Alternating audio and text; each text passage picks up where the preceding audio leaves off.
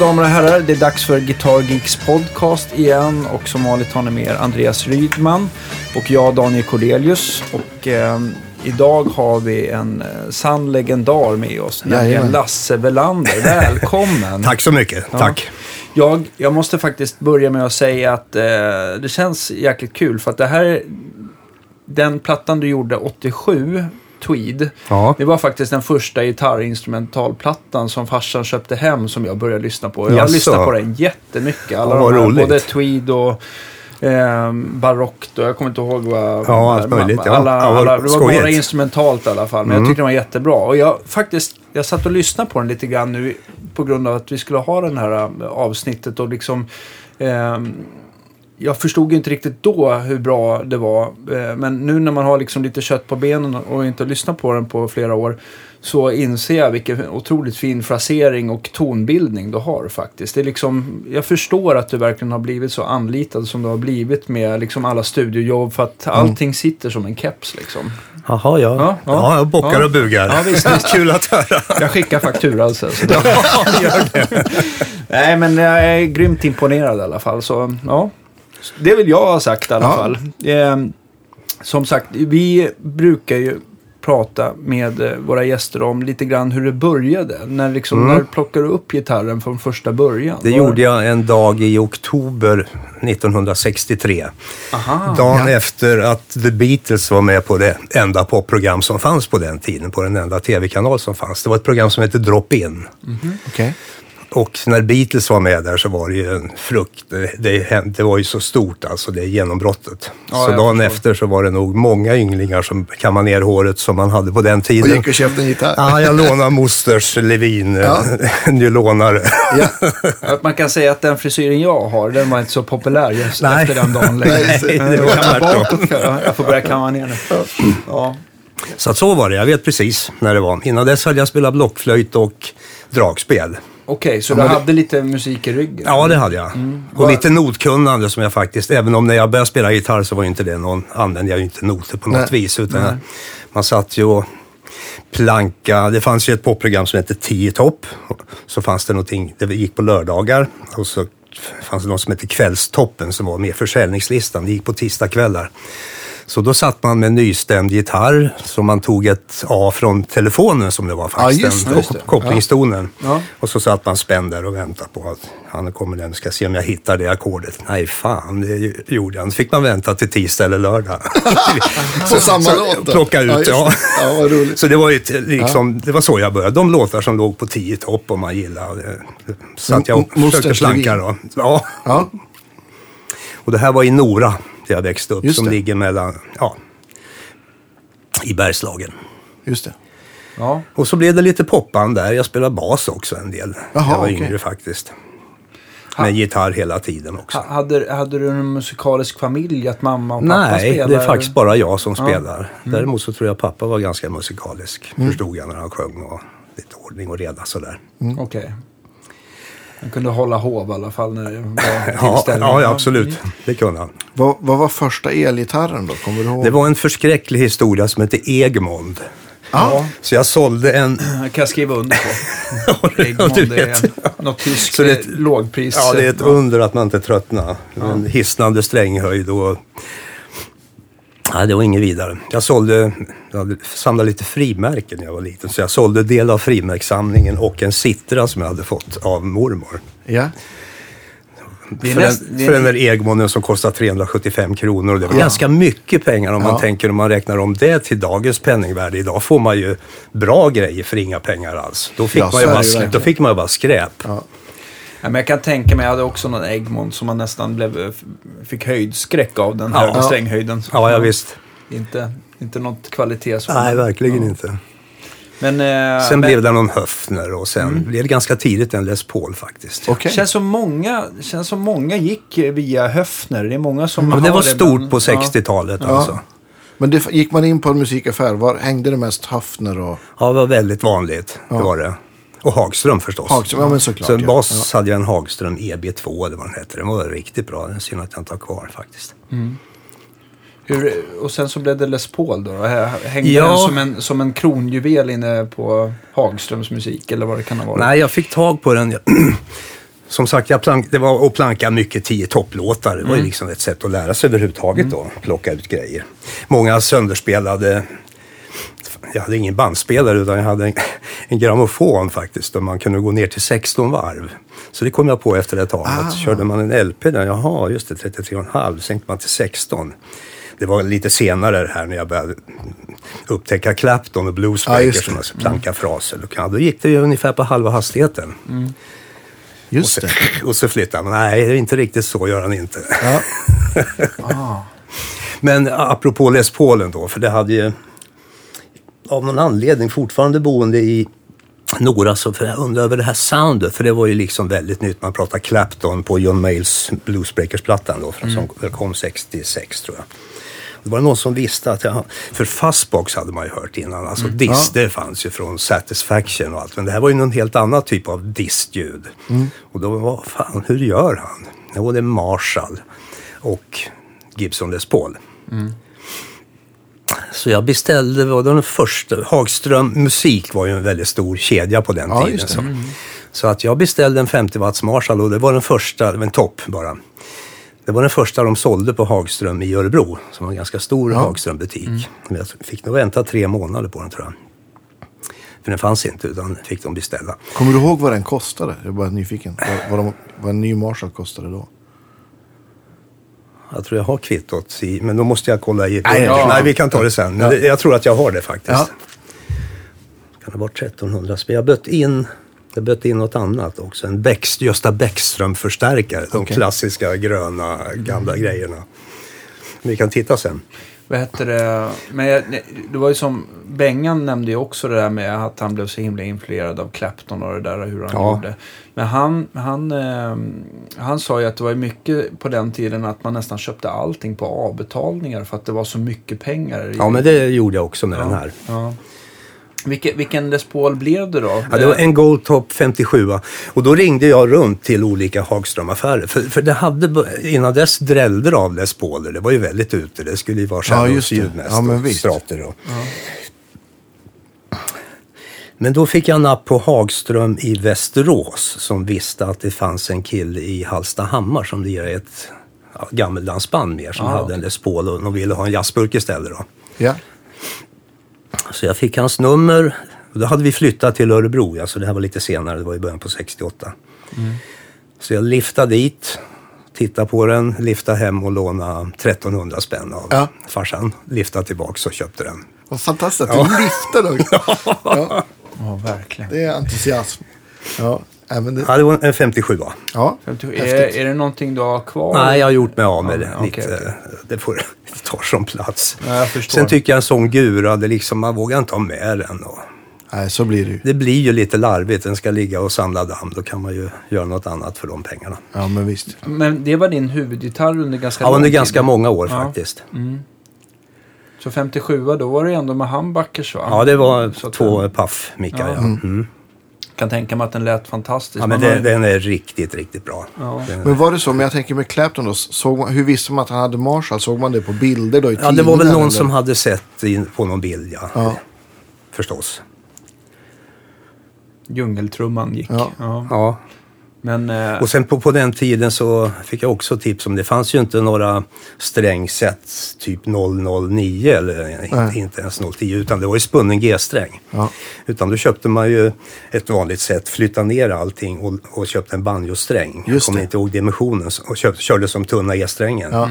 För annars var det ju spunna G-strängar hela tiden. Ja, det jag kan man ju inte dra i. Men det, liksom. gjorde, det var väl Claptons trick också va? Jag Att vet inte, men det jag antar att jag har jag. läst det någonstans. var, det inte det, var det. inte det Benga sa också? Ja, var att han hade dubbla också.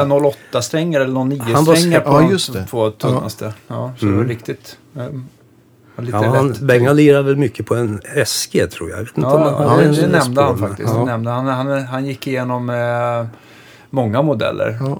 Allt från Strata och Les Paul och SG och sånt där. Så, ja. Ja, på senare år har det varit mest Strata. Ja, en Ja. förnämlig gitarrist var jag ju inflikad. Vi har Ja. spelat mycket ihop under många år. Ja. Inte nu på länge, men under några år när vi, jag var, en av, var med och drev en sommarkrog i Lysekil med Totta Näslund, Nicke Ström, basisten då, just Ja. i gänget. Och en kille som heter Lasse Thulin och då hade vi ett husband där. Just det. baserad på Tottas band egentligen kan Just man det. säga. Och sen jag då. Så vi har sp- spelat mycket gitarrer ihop. Ja, jag jag. förstår det. Nöje. Ja. Det verkar- verkar ha varit ett glatt gäng i alla fall. Ja, det var det. Vad heter det? Jag tänkte på, men när du fick Marshall och koppla ihop allting, kände du så här, ja men nu har jag fått Clapton-soundet? Ja, eller? men lite grann Ja. faktiskt. Ja. Så, Okej, lite skruvande, men, men man hörde att det, det grundljudet fanns där faktiskt. Det var bara att vrida upp i- helt enkelt och Ja. vara glad. Starkt blev Och det var en 50-wattare. Så ja, det var... Ja, det fanns ju... Ja, det blev ju lite starkt. Det Ja. fanns ju ingen mastervolym på den tiden på dem. Nej, just det, just det. Men, vad, men då bodde du i Örebro. Hade du, spelade du i något popband och grejer? Ja, vi, Där då, jag spelade eller? i popband i Nora. Ja. Och sen flyttade vi till Örebro i slutet av 67 var det väl ja. Så, och då, jag hängde kvar i Nora och gick ut nian där och åkte med ett lärarpar för det var synd att byta skola sista termin tyckte jag. Men under sommaren eh, 68, det fanns ett band som hette eh, Blues Quality. Som var ett Örebroband som alla såg upp till i den här regionen. De hade kommit trea i Sveriges, popbands, Sveriges Radios popbandstävling som Ja. var väldigt stort på den tiden. Mycket bra bluesband helt enkelt. En fantastisk gitarrist som då turligt nog valde att sluta. Jaha, Ja, vilket förvånar. Tommy Svensson. Tommy Svensson. Ja, lever inte längre tyvärr. Jättebra gitarrist. Ja. Men då hade jag kommit i kontakt med organisten i det bandet som hette Mats Strömberg. Vi hade blivit lite kompisar och jamma ihop. Och sen blev det så att de frågade mig om jag hade lust att kliva in i bandet som 16-åring. Ja, vad kul. Och då hade de också börjat jobba med Peps. Mm. Lincoln Louisiana Peps sa man mest på den tiden. Aha, så, okej. så blev det något som heter Peps Blues Quality. Just det. Och det här, det var ju, jag hade börjat gymnasiet, eller jag gjorde på hösten eh, 68 då. Men det blev, eh, det blev ju ett professionellt band det här så det, Ja. det gick inte att kombinera. Utan jag tog ett sabbatsår som fortfarande pågår. Ja, så var det. underbart. Men vad häftigt då, ja, men som ja, men 16-17-åring komma med i ett, ett sånt bra band och Ja, få men det- komma ut och lira. Det är ju, Ja men det var det verkligen. finns ju ingen bättre skola. Nej, absolut. Minns, ni, minns du hur mycket ni spelade då? Att, eh, var, det liksom, var det bara helgerna eller låg ni ute i veckorna också då? Svårt att säga. Det var nog både och egentligen. Ja. Det var nog inte så mycket sammanhängande. Det var inte något folkparksturnéband om man Nej. säger så. Det här. Så att det var nog mest ströjobb. Ibland låg vi nog ute några veckor i sträck. Det kan jag tänka mig. Även utanför Sverige, att ni kom till Danmark och Norge Ja. och sådär? Ja. Ja, Danmark i alla fall. England var vi och spelade också. ja, just det. Just det. För där var väl bluesscenen väldigt stor? Ja, det var så, den ju. Så att det fanns Absolut. mycket jobbtillfällen Mm. och det är så otroligt Ja. mycket folk också. Ehm, så att det är lite annorlunda. Um, vad, vad, eh, hur många år var du med i det? Ja, från 68 till 70. För då blev Peps sjuk. Han fick struma. Jaha, Så att okej. det blev så att det här grejer, bandet upplöstes helt enkelt. Mm. Även någon, någon annan hade tröttnat lite där. Men eh, resten av det blev ett band som heter Nature. Just Då det. hade vi hit, blivit kompisar med Mats Ronander. Mm. Också, örebroare. Från början. Så att eh, basist, basisten Per-David Jonsson, Bosse Skoglund på trummor. oj, Och jag och Mats bildade ett band som heter Nature då. Mm. Så det blev en kvarleva av det här det. Quality kan man säga. Var det också bluesbaserat eller Ja, det var mycket. annat håll? Ja, men kanske lite mer rock också. Mm. Inte bara 12, 12 och långa solon, utan lite, lite rockpoppigare också. Lite mer ju låtar så att Jag säga. Ja, lite, ja, ni fick ju precis. rätt mycket, jag tänkte säga efter Bluesbreakers också så började de här rockbanden, Zeppelin och alla de där Mm, då, liksom göra avtryck. Var det någonting som du blev influerad av också då? Att det går lite åt rockigare hållet? Eller? Ja, men det, ja, absolut. Mm. Hade du någon, hade du förutom Clapton någon, någon, eh, någon gitarrhjälte? Ja, jag som du- på alla, Peter Green också förstås. Ja. Alla Bluesbreakers Ja, gitarrister. och Mick Taylor väl, var jag Ja, ja, väldigt visst. förtjust i. Ja. Som var väl den, ja, som kom efter Peter Green då. Mm. Crusade-plattan, den var Mm. väldigt sönderspelad. Ja. på 16 varv.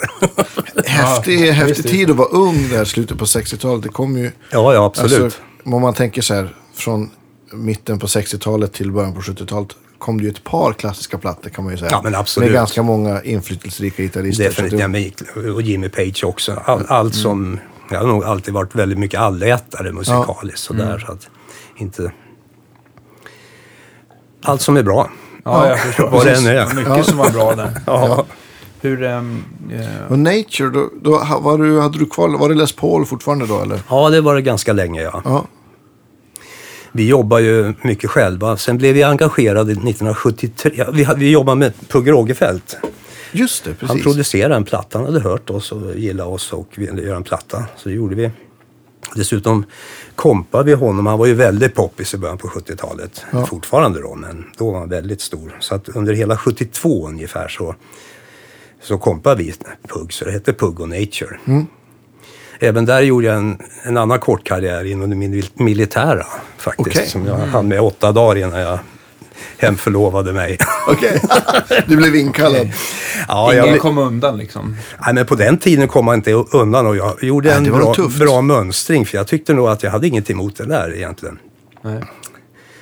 Så att jag blev eh, och gjorde en bra, bra fysisk trim. Dessutom slog jag det rekord som på Milo Väst hade stått sig i många år. Det gällde signalist. Man fick snabblära sig fyra morsebokstäver. Och så på med Ah, lurar och så var det ja, sida det. upp och sida ner och så skulle man liksom skriva. Så det, det rekordet slog jag faktiskt. Så jag blev ju underbefäl och si- signalist då. Ja, Ja, det kanske står sig fortfarande det där Det vet jag inte. Ja, jag vet faktiskt inte. Men det innebar att om det var lite svårt att komma undan. Det, det var ju som det kanske är på väg att bli igen nu. Det var ju obligatoriskt helt enkelt. Så det, var, så det var lite krångel, men till slut så tröttnade de väl på att jag krånglade. Men Nu måste jag ha krånglat mycket om det. De tröttnade på det efter åtta dagar, eller vad var det? Ja, men det var ju efter några uppskov också. Och, Jaha, okej, okej. Ja, Så du blev utkastad från militära? ja, det, det kan man säga. Till slut fick jag ju också eh, allergiska besvär. ja. Okej. Så kan man säga. ja. Men vad det gällde 72 då, så då, då var det lite ödesmättat. Hade, in- hade inte jag sett till att bli hemförlovad, det visste jag att man kunde bli. För att efter, om det var ett eller två uppskov, då måste man rycka in i avvaktan på ett besked. just det. Och efter åtta dagar kom det att jag, jag fick inget uppskov. Och då visste jag att man kunde begära vapenfri tjänst. Då blev man hemförlovad. Men hade inte jag gjort det och vi kom igång och jobba med PUG och allt eh, förde med sig och kontakter med Anders Burman och Metronom, då vet man ju inte om man hade suttit här idag och liksom Nej. det var, hade blivit av alltihopa. Nej. För det, det hände mycket. Det var väldigt viktiga år det där Men som så blev. Pugg var lite så här ingång till liksom... Ja, det kan man säga. Lite, Till, jag hade till varit med och spelat på lite plattor innan, redan 70. Det var via Sonett. Vi gjorde en platta med Pep Solos Quality på Sonett.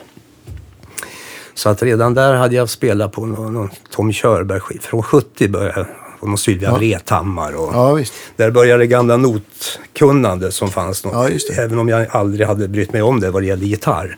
Så fanns det ju där och då började var det ju väldigt bra att ha det. Kände Måste- att du kom in i det ganska snabbt? Ja, det, att ja, läsa ja, det tycker jag. Måste vara ganska ovanligt. Man tänker för de gitarrister som läste då måste ju ha varit främst klassiska gitarrister. Om man tänker någon som spelar pop och rock och kunde läsa. Det kan ju inte ha varit vanligt. Eller? Nej, Det var alltså, jag kommer ihåg på den Tommy Körberg-plattan, som, den hette väl Tommy, med Som en bro över mörka vatten och lite andra hits faktiskt. Ja. Då var det jag och Hasse Rosén, Just det. gammal legendar som ni Ja. skulle prata med egentligen. Ja, Han har ju fruktansvärt mycket roligt att berätta och en Ja. skön kille. Men då var det han och jag. Och han, det fanns ju ett gäng som spelade mycket studio, bland annat han. Så han Mm. Läste ju väldigt bra. Ja. Mycket bättre än vad jag hade kommit igång att göra på gitarr då, men Mm. det funkar i alla fall. Men som sagt, det här året med PUG, det ledde till väldigt mycket. Det gjorde det. Mm. Och just det, sen var jag inne på Nature, ja, att 73, då blev vi ombedda att om vi kunde kompa till ett Gärdestad som hade slagit igenom med buller och bång 72. Just det. Och även Lena Andersson då, är det konstigt att man längtar bort någon gång. Så de hade Just varit det. ute på en paketturné 72. Med lite hopplockat, lite av de som lirar på plattorna och sånt där, lite frilansband. Men då hade de väl kommit på på Polar att det var lite krångligt och rent praktiskt och så. Att det var smartare att ha ett band som var komplett och hade egen Ja. organisation med PA, eller PA som man inte på den tiden, sa sånganläggning. Ja. man kanske mickade ut lite baskagge också. Vad hade ni då? Var det Accuset kanske? Som... Accuset, Ja. självklart. Ja. Dubbla, dubbla stora hade vi väl. Eller Man kunde hyra på om det var i Grönan, då hämtade man lite extra. Ja, jag förstår. Oj, att man liksom får släpa på de där grejerna trots att man ska spela på sådana här um, på Grönan och sådana. Ja, ja, jag visst. inte. Jag trodde alltid att det stod på plats där. Ja, nej. Nej. Ja, Eh, Men då hade Björn och Ben, eh, var det väl, hade, man hade hört oss på, spela på Alexandras då och då på biblioteks, Biblioteksgatan och tyckte att det var väl ett, var ju inte våran repertoar alls men alltså, vi blev kanske lite förvånade över frågan men det passar ju oss alldeles ut. Och alla, man gillar ju Ted, det var inte våran, vad vi höll på med men, ja, men han var ju oemotståndlig. Så Ja, men såklart. Det och det passade oss musik. utmärkt för somrarna kunde vara lite svacka så här Ja. med jobb. Vi jobbar ju mest klubbar och Ja. och så. Så det, så det var långa folkparksturnéer, 73, 74 och 76. Man hade premiär på valborgsmässoafton och så Ja. fortsatte man en bit in i augusti. Ja. Fredag, lördag, minst två jobb kan man nog säga som regel. Och mycket i veckorna också. Och någon, det kunde vara både dubbleringar och tripleringar på Oj. fredag, lördag. Någon midsommarafton gjorde vi fem jobb. ja. Det börjar mitt på dagen då, helt enkelt. Ja, Ja. Hur långa var showerna? Alltså varje... Att det var Ja, liksom då, inga då kanske det blev lite kort. Nej, det var det inte. Nej. Nej. det var folkparksshow. Och då kanske vi var tvungna att korta de där dagarna, det vet jag inte. Men någon timme höll vi väl på, det tror jag. Ja, okej. Ja. Lite men det tror jag. Så att du fick ta igen det lite där på, på måndag, tisdag då. Så.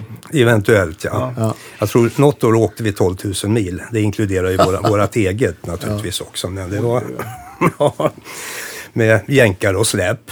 Ja. Som det var. Ja, Suburban, Ja. eh, Chevrolet Suburban och före detta ambulanser var det ofta Just som det. var ombyggda för de var lite förhöjda i tak. Ja, just det.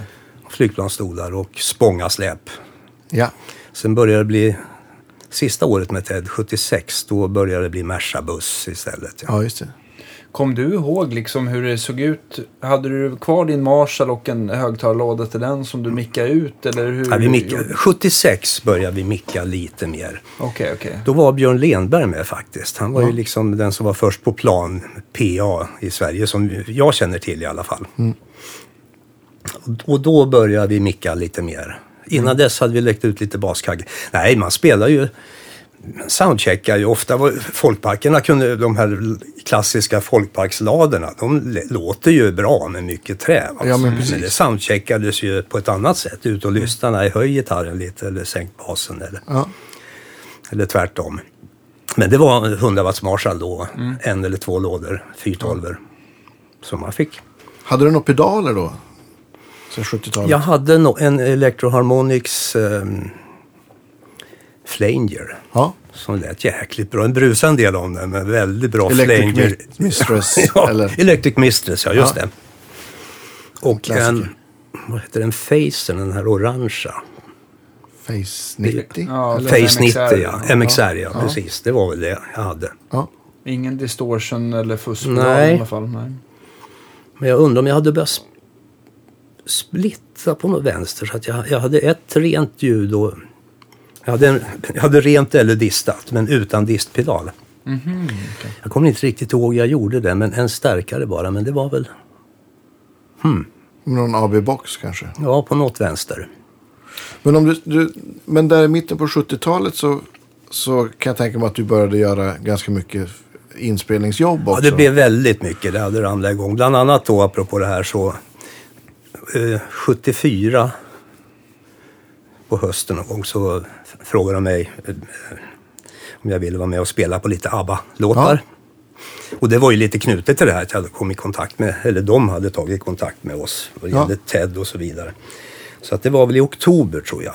74 så var det första ute i Bruno Glenmarks källare som jag var med och spelade. Ja, det var väl Intermezzo number one Just och det. eh, I'm a tiger. Jag kommer Ja. inte ihåg, men det var väl en tre, fyra låtar. Så där började mitt samarbete med dem. Då. Sen ramlade det ju på hela vägen. Och du var med från start till mål Ja, säga. inte från start. Från start var det ju Janne Schaffer okej. som spelade på första och Ja, Waterloo är Janne. ja, Waterloo Janne och allt. Men Intermezzo är väl B-sidan tror jag till Waterloo. Eller något sånt där. Singeln. Jaha, okej. Ja. Ja. för, det, för det är jag och Finn Sjöberg som Just det. spelar på den Ja, faktiskt. Men du, och sen Jan, du och vi Janne lite. spelade aldrig tillsammans på Nej, vi spelar nog på några... Till exempel Eagle spelar vi ju båda två, men Ja, vid, just. på oli, olika tillfällen. Ja. Så att det kunde ju hända. Janne hade ju kommit igång mycket med en solokarriär. Va? Ja, just det. Och, och sen var det var ju inget heltidsjobb med ABBA. Jag menar, var Nej. man uppe i Norrland på turné med Nature så kanske man inte åkte ner för ett, en låt eller någonting. precis. utan då, då, det är därför vi förekommer lite korsvis och samma med Janne. Va? Ja. Sen vägde det väl över att jag spelade väl på det mesta mot slutet och fortsatte. Och alla turnéer var det ju. ja, just det. Ja, det var Och ju sen Chess och lite sånt också. Ja, men- just det, just det. Mamma Men, Mia. Men, men just de här ABBA-turnéerna, det måste ju varit lite större produktioner. Ja, då var det ju heltid ja. Ja. ja. Men, men, Och den eh, första stora turnén, det var en folkparksturné, men det var, det var väl av det största format som har gjorts, hade gjorts någon gång då. Det var de stora parkerna. Ja, det. Skellefteå och Linköping och så, alltså Ja, de, alla de stora ställena. Med ett hopplockat Hagström PA som nog var gigantiskt. Jag kan visa bilder på det jag har faktiskt. roligt. för det, det Men kan, plockar vore de det kul att lägga ut någon bild på Ja, Facebook hur det såg verkligen. ut. Liksom. Ja. Det måste ju varit några som hjälpte till att bar i alla fall. Ja, men då var det ju Ja. professionell. Då, då var det ju inte vi så mycket själva. Då var det ett band som hette Beatmakers som var ett, ja, ett dansband. Men på den tiden var dansbanden, då spelade ju, ja det gjorde, gör de idag också, men helkvällar. Men då spelade ju mycket mer, det var ju Blood, Sweat and Tears-låtar. Det var en blandad repertoar. Det var inte så mycket svensk toppslåtar om man menar Svensktoppen som det lät för ett antal år sedan. Utan det var väldigt blandat och ett jäkla bra band var det. Men de hade ingen leadgitarrist om man säger så. De, Boris and the Beatmakers. Boris spelar gitarr själv men, men inte kanske på det viset som vissa låtar då. Krävde liksom. Nej, så då blev jag påkopplad där. Men sen 77 då blev det ju... Ja, vad var vi då? då? Det var en Europaturné och sen var det Australien. Då var det... Då kom PA och det mesta av crewet från USA och England. För Just det det. fanns inte framme så, fanns inte sådana resurser. Nej. Och det var, åkte de inte med ABBA så åkte de med Rod Stewart eller Eagles eller Zappa eller Ja, annat, som var stort på den tiden. Så det var liksom på den största nivån då. Märkte, tyckte du att det var stor skillnad på slutresultatet ljudmässigt med deras grejer mot vad ni hade använt tidigare? Nej, inte på scen. Det, det funkar jättebra det andra också. Ja, Ja. Men det är klart, ut till ett antal 10 000 personer. Så, var ja det. det är klart. Ja, men visst. Så det var eh, engelsmän och amerikanare mest i crewet och chaufför och så vidare. Och med en svensk grundplåt av ja, Klabbe var chefsljudtekniker till exempel. Då. Så det, han hade väl, de var nog tre eller fyra man ut på mixplats. Det var inga Ja. datoriserade ord utan någon gjorde det och Klabbe men det- hade ja, mycket grupper tänka- ja, så men att säga. måste ju ha varit massa kanaler, tänker Ja, ja jag. visst. liksom. Och, och submixar. Och, Precis. och Klabbe hade några, han hade grupper mer då. På den tiden... Men det lät, ja, lät kanonbra. Ja. Krångligare naturligtvis, men det var inga Du, problem. hade, visst hade, du måste ju vara den första svensken som hade ett Pete ja, Cornish-pedalbord. det tror jag. Det tror Hur, jag. hur kom det sig? Om du kan prata lite grann om det. Men, då- Just det, vi pratade om olika ljud. Då körde jag mycket två förstärkare. Music Man-stärkare, 410. Just det. En för dist och en för rent. Just det. Och en AB Och- och ställde dem olika bara, Ja, liksom. precis. Och koppla om. Jag, jag tänkte också i studion, hade du möjlighet att använda de stärkarna som var lite eh, Marshall och Music Man eller var de för starka för det? Ja, jag körde nog mest en liten Music Man HD 112 under Ja, många. Ja. Som är en 112 Ja, Ja, det. klassiker. Som jag har fortfarande en som låter riktigt bra. Ja. Ja, jag gillar inte att spela så, inte då, då, då hade man bara komma fram till att man måste inte spela så starkt Nej, i studio. förstår. förstår. Ofta Svårt att göra. starka förstärkarna, de tycker att det är svårt att få, de liksom dödar rummet på något Ja, sätt. exakt. ja, men det gör de. sant. Ja, jag förstår. Jag Jo, nyfiken. pedaler jag ja. frågade om. Ja. Mm. Ja. och, Pete Cornish. Jo, men då hade jag väl ett antal pedaler. Lite mer pedaler än... Electric Mistressen var ju kvar fortfarande och Face 90 och lite annat. Men det var ju lite, alltså det brummade och brusade lite grann beroende på hur ljus och jord var på olika ställen. visst. och, koppla ihop så de tyckte, de började tröttna på det där lite grann och föreslog Pete Cornish. Var det britterna då? Ja, det var, crewet vi hade ju backline, det var ju väldigt välsörjd kan man säga med Ja. backline-tekniker på den tiden och Ja. gitarroddar och så. Och en för trummor, en för keyboarden. Mm. Så de tyckte, ska vi inte gå och hälsa på Pete Cornish? Och, så, och det var efter avslut, men det, det här var senare faktiskt. För det här var när vi efter... Ja, 17 var det då? 79? När, 70, han är osäker på årtalet där, det kan vi kolla sen. Ja, efter en sväng när vi hade gjort i alla fall eh, USA, Kanada och en Europaturné. Och sen skulle vi till Japan 80, så det fanns ett glapp emellan där. Så att då tyckte de att låt Pete Cornish göra ett bord. Ja. Som, och det funkar ju så, han plockar ju, jag plockar ju med och det, och det bestämde jag mig för. Och att det följde du med hem till honom då? Ja, på hans verkstad. Ja, och hade med mitt pedalbord. Mm. Som i och för sig funkar, men det är visst lite otympligare och han gör, gjorde ju på ett helt annat sätt än vanliga sladdar emellan bara. Så han plockar ju ut allting egentligen ur Electric Mistress, Ja, ur Face Knit precis. och så vidare och så vidare. och skal åt sidan. Ja, exakt. Och oerhört professionellt gjort. Det står nog på ABBA-museet Ja. för övrigt nu. Men jag om man isär det så blir man impad av, av hantverket. Ja, det funkar säkert klockan. Ja, men det gör det. Det var väl Micke Nord som sa det i podcasten att han hade liksom, han var utbildad militärt, alltså att Ja. sätta ihop de här. Kan jag tänka mig. Ja. Kan jag tänka mig. Så att det skulle kunna falla ur ett plan och ja, hålla precis, en massa, Ja, Han hade koll på läget kan man säga. stort och tungt. Ja. Kan man Ja, säga. tur att du inte var och ganska, ganska dyrt. Ja, men jag det tror att det kostade över, och med frakt och allting, när jag väl hade det hemma här, en 20, 20 det, det kom när vi höll på att repa inför Japan-turnén där. Jag tror det kostade över 23 000 eller någonting. Ja, det var ganska mycket. och på då. den tiden ja. också. Ja, Och då hade jag ju ändå pedalerna innan. ja. Men då när vi var där, då, då höll han på med något, vad, vilka var han höll på Ja, Clapton höll han på med ett bord till och Zappa höll han på att jobba med Ja. ett bord. Och lite annat också. förstås. Gilmore var ju en, jobbade Ja, just med det. också. Så det. Nej, men det... Häftigt. Men var du nöjd? Var, kändes det... Var... Ja, det funkar ju jätte, det Ja. det funkar ju som det hade gjort innan, men det brusade inte och det var ju Nej. betydligt enklare för, Ja. för crewet Ja, men att koppla in. Ja, men det är väl det som är så skönt med ett fungerande pedalbord. Att man bara jackar i och ur. Ja, och det visst, håller det- varje gång. Liksom. ja. Så att, Ja, visst. Det är nödvändigt kan jag tänka mig. Men var det Music Man då med ABBA också? Ja, De, och då... Ja, vi körde två fyrtior var. Då, på de senare turnéerna var det ju Mats Ronander och jag som spelade. Ja, precis. 77 var det Finn Sjöberg och jag. Då är jag os... Jo, men det var Music Man redan då, ja. Det var det.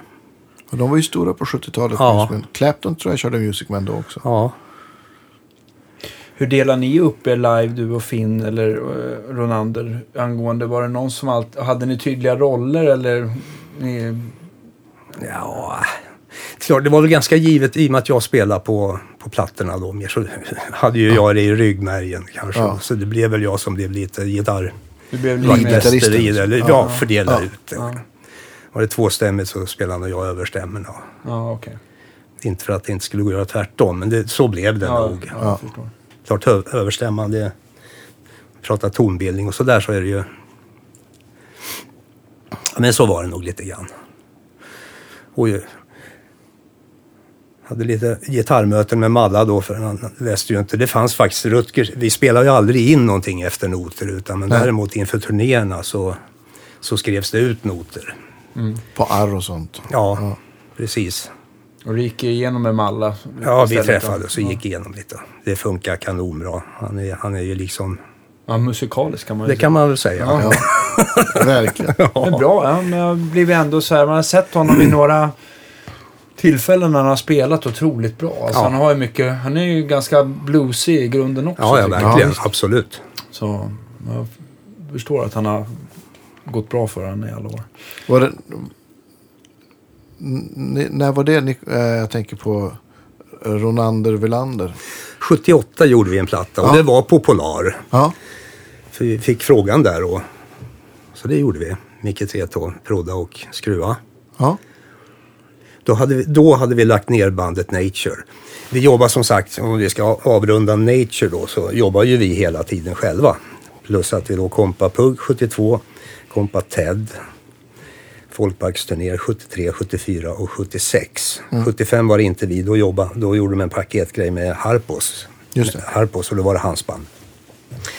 Men sen 77, hela 77 i princip så var ju vi, kompade vi Uffe Lundell just det. Man kan säga från Bullerbyn till arenor. Det var liksom när allting hände. Va? Ja, just det. Från klubb, eh, det var ganska fascinerande. Första plattan hade kommit och första boken. Och, Just det. Ja, det måste jag ha tagit hus. ja, det gjorde det. Så det var kul. Men sen tyckte vi väl att av någon anledning, jag vet inte varför, men vi, vi la ner Nature i alla fall.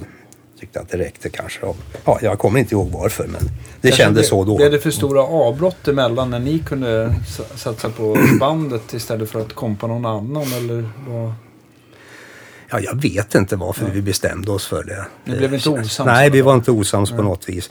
Men sen tyckte Mats och jag i alla fall, vi bodde ganska nära varann då.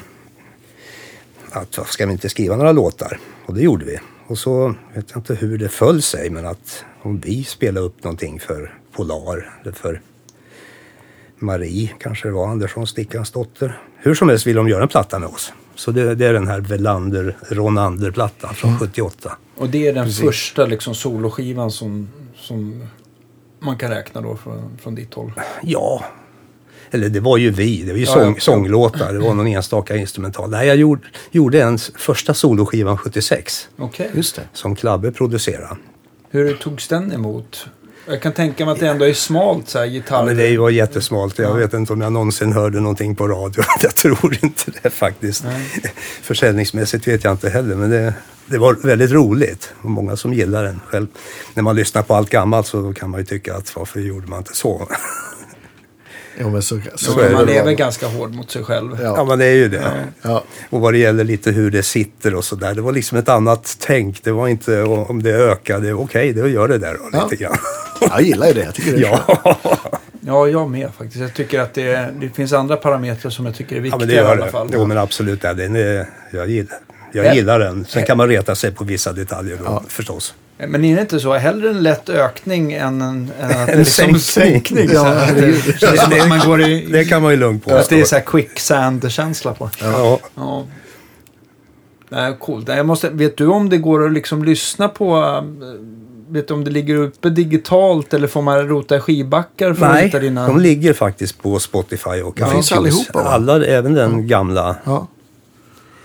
Den första då. Vi brukar, gö- vi brukar göra en spellista till Ja, okej. varje episod. Så att om du har låtar som du känner att ja, men de här vore kul att ha med så.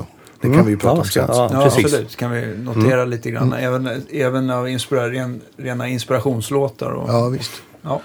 ska vi fixa. Det vore Ja. jättetrevligt. Nej, de ligger uppe sedan ett par år. Mm. Det är roligt. Ja. För det är faktiskt många som frå- har frågat om dem och de är ju slutsålda för länge sedan. Ja. Det var väl inga jätteupplagor men de, de här senare skivorna, den första var ju om man säger de som kom lite mer modern tid ändå, även om det är många år sedan. Men 85 var ju den första, en platta som heter Full hand. Och det var Lasse, Lasse Holm och Torgny Söderbergs bolag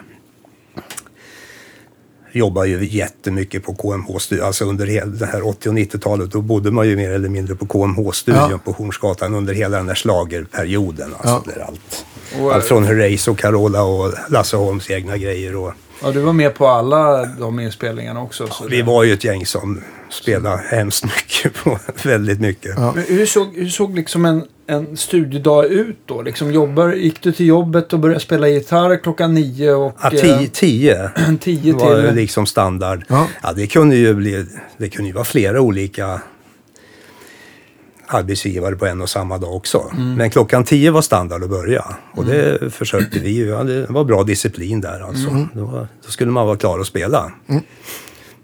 När var det dags att gå hem då? Det var inte klockan fyra direkt? Jag kan tänka mig att Det kunde det ju vara. Ja. Det kunde ju vara elva på kvällen också. Okej, okej. Förstås. Deadlines även då. Ja, så det var ju Peter Ljung, Rutger, ja, Ja. Per, per Lindvall. Ja. Sen började Per ja, ramla in i mycket annat. Så, det var till, eh, så att Lasse Persson och Claes Anderhäll, det var det. några olika trumslagare. Men Rutger och jag och, och Peter var det ju väldigt mycket. Mm. Och Hasse Rosén, Just det. Lasse Westman. Mm. Gitarrist som ja, kanske mest känd som Vikingarnas gitarrist under Ja. många år. Men innan dess eh, ja, producent och Precis. Mm. studiogitarrist och sångare. Så att Ofta gjorde man ackgitarrer. Så spela, sitter man gärna, satt man gärna två stycken samtidigt. Ja. Dels att den låter lite olika.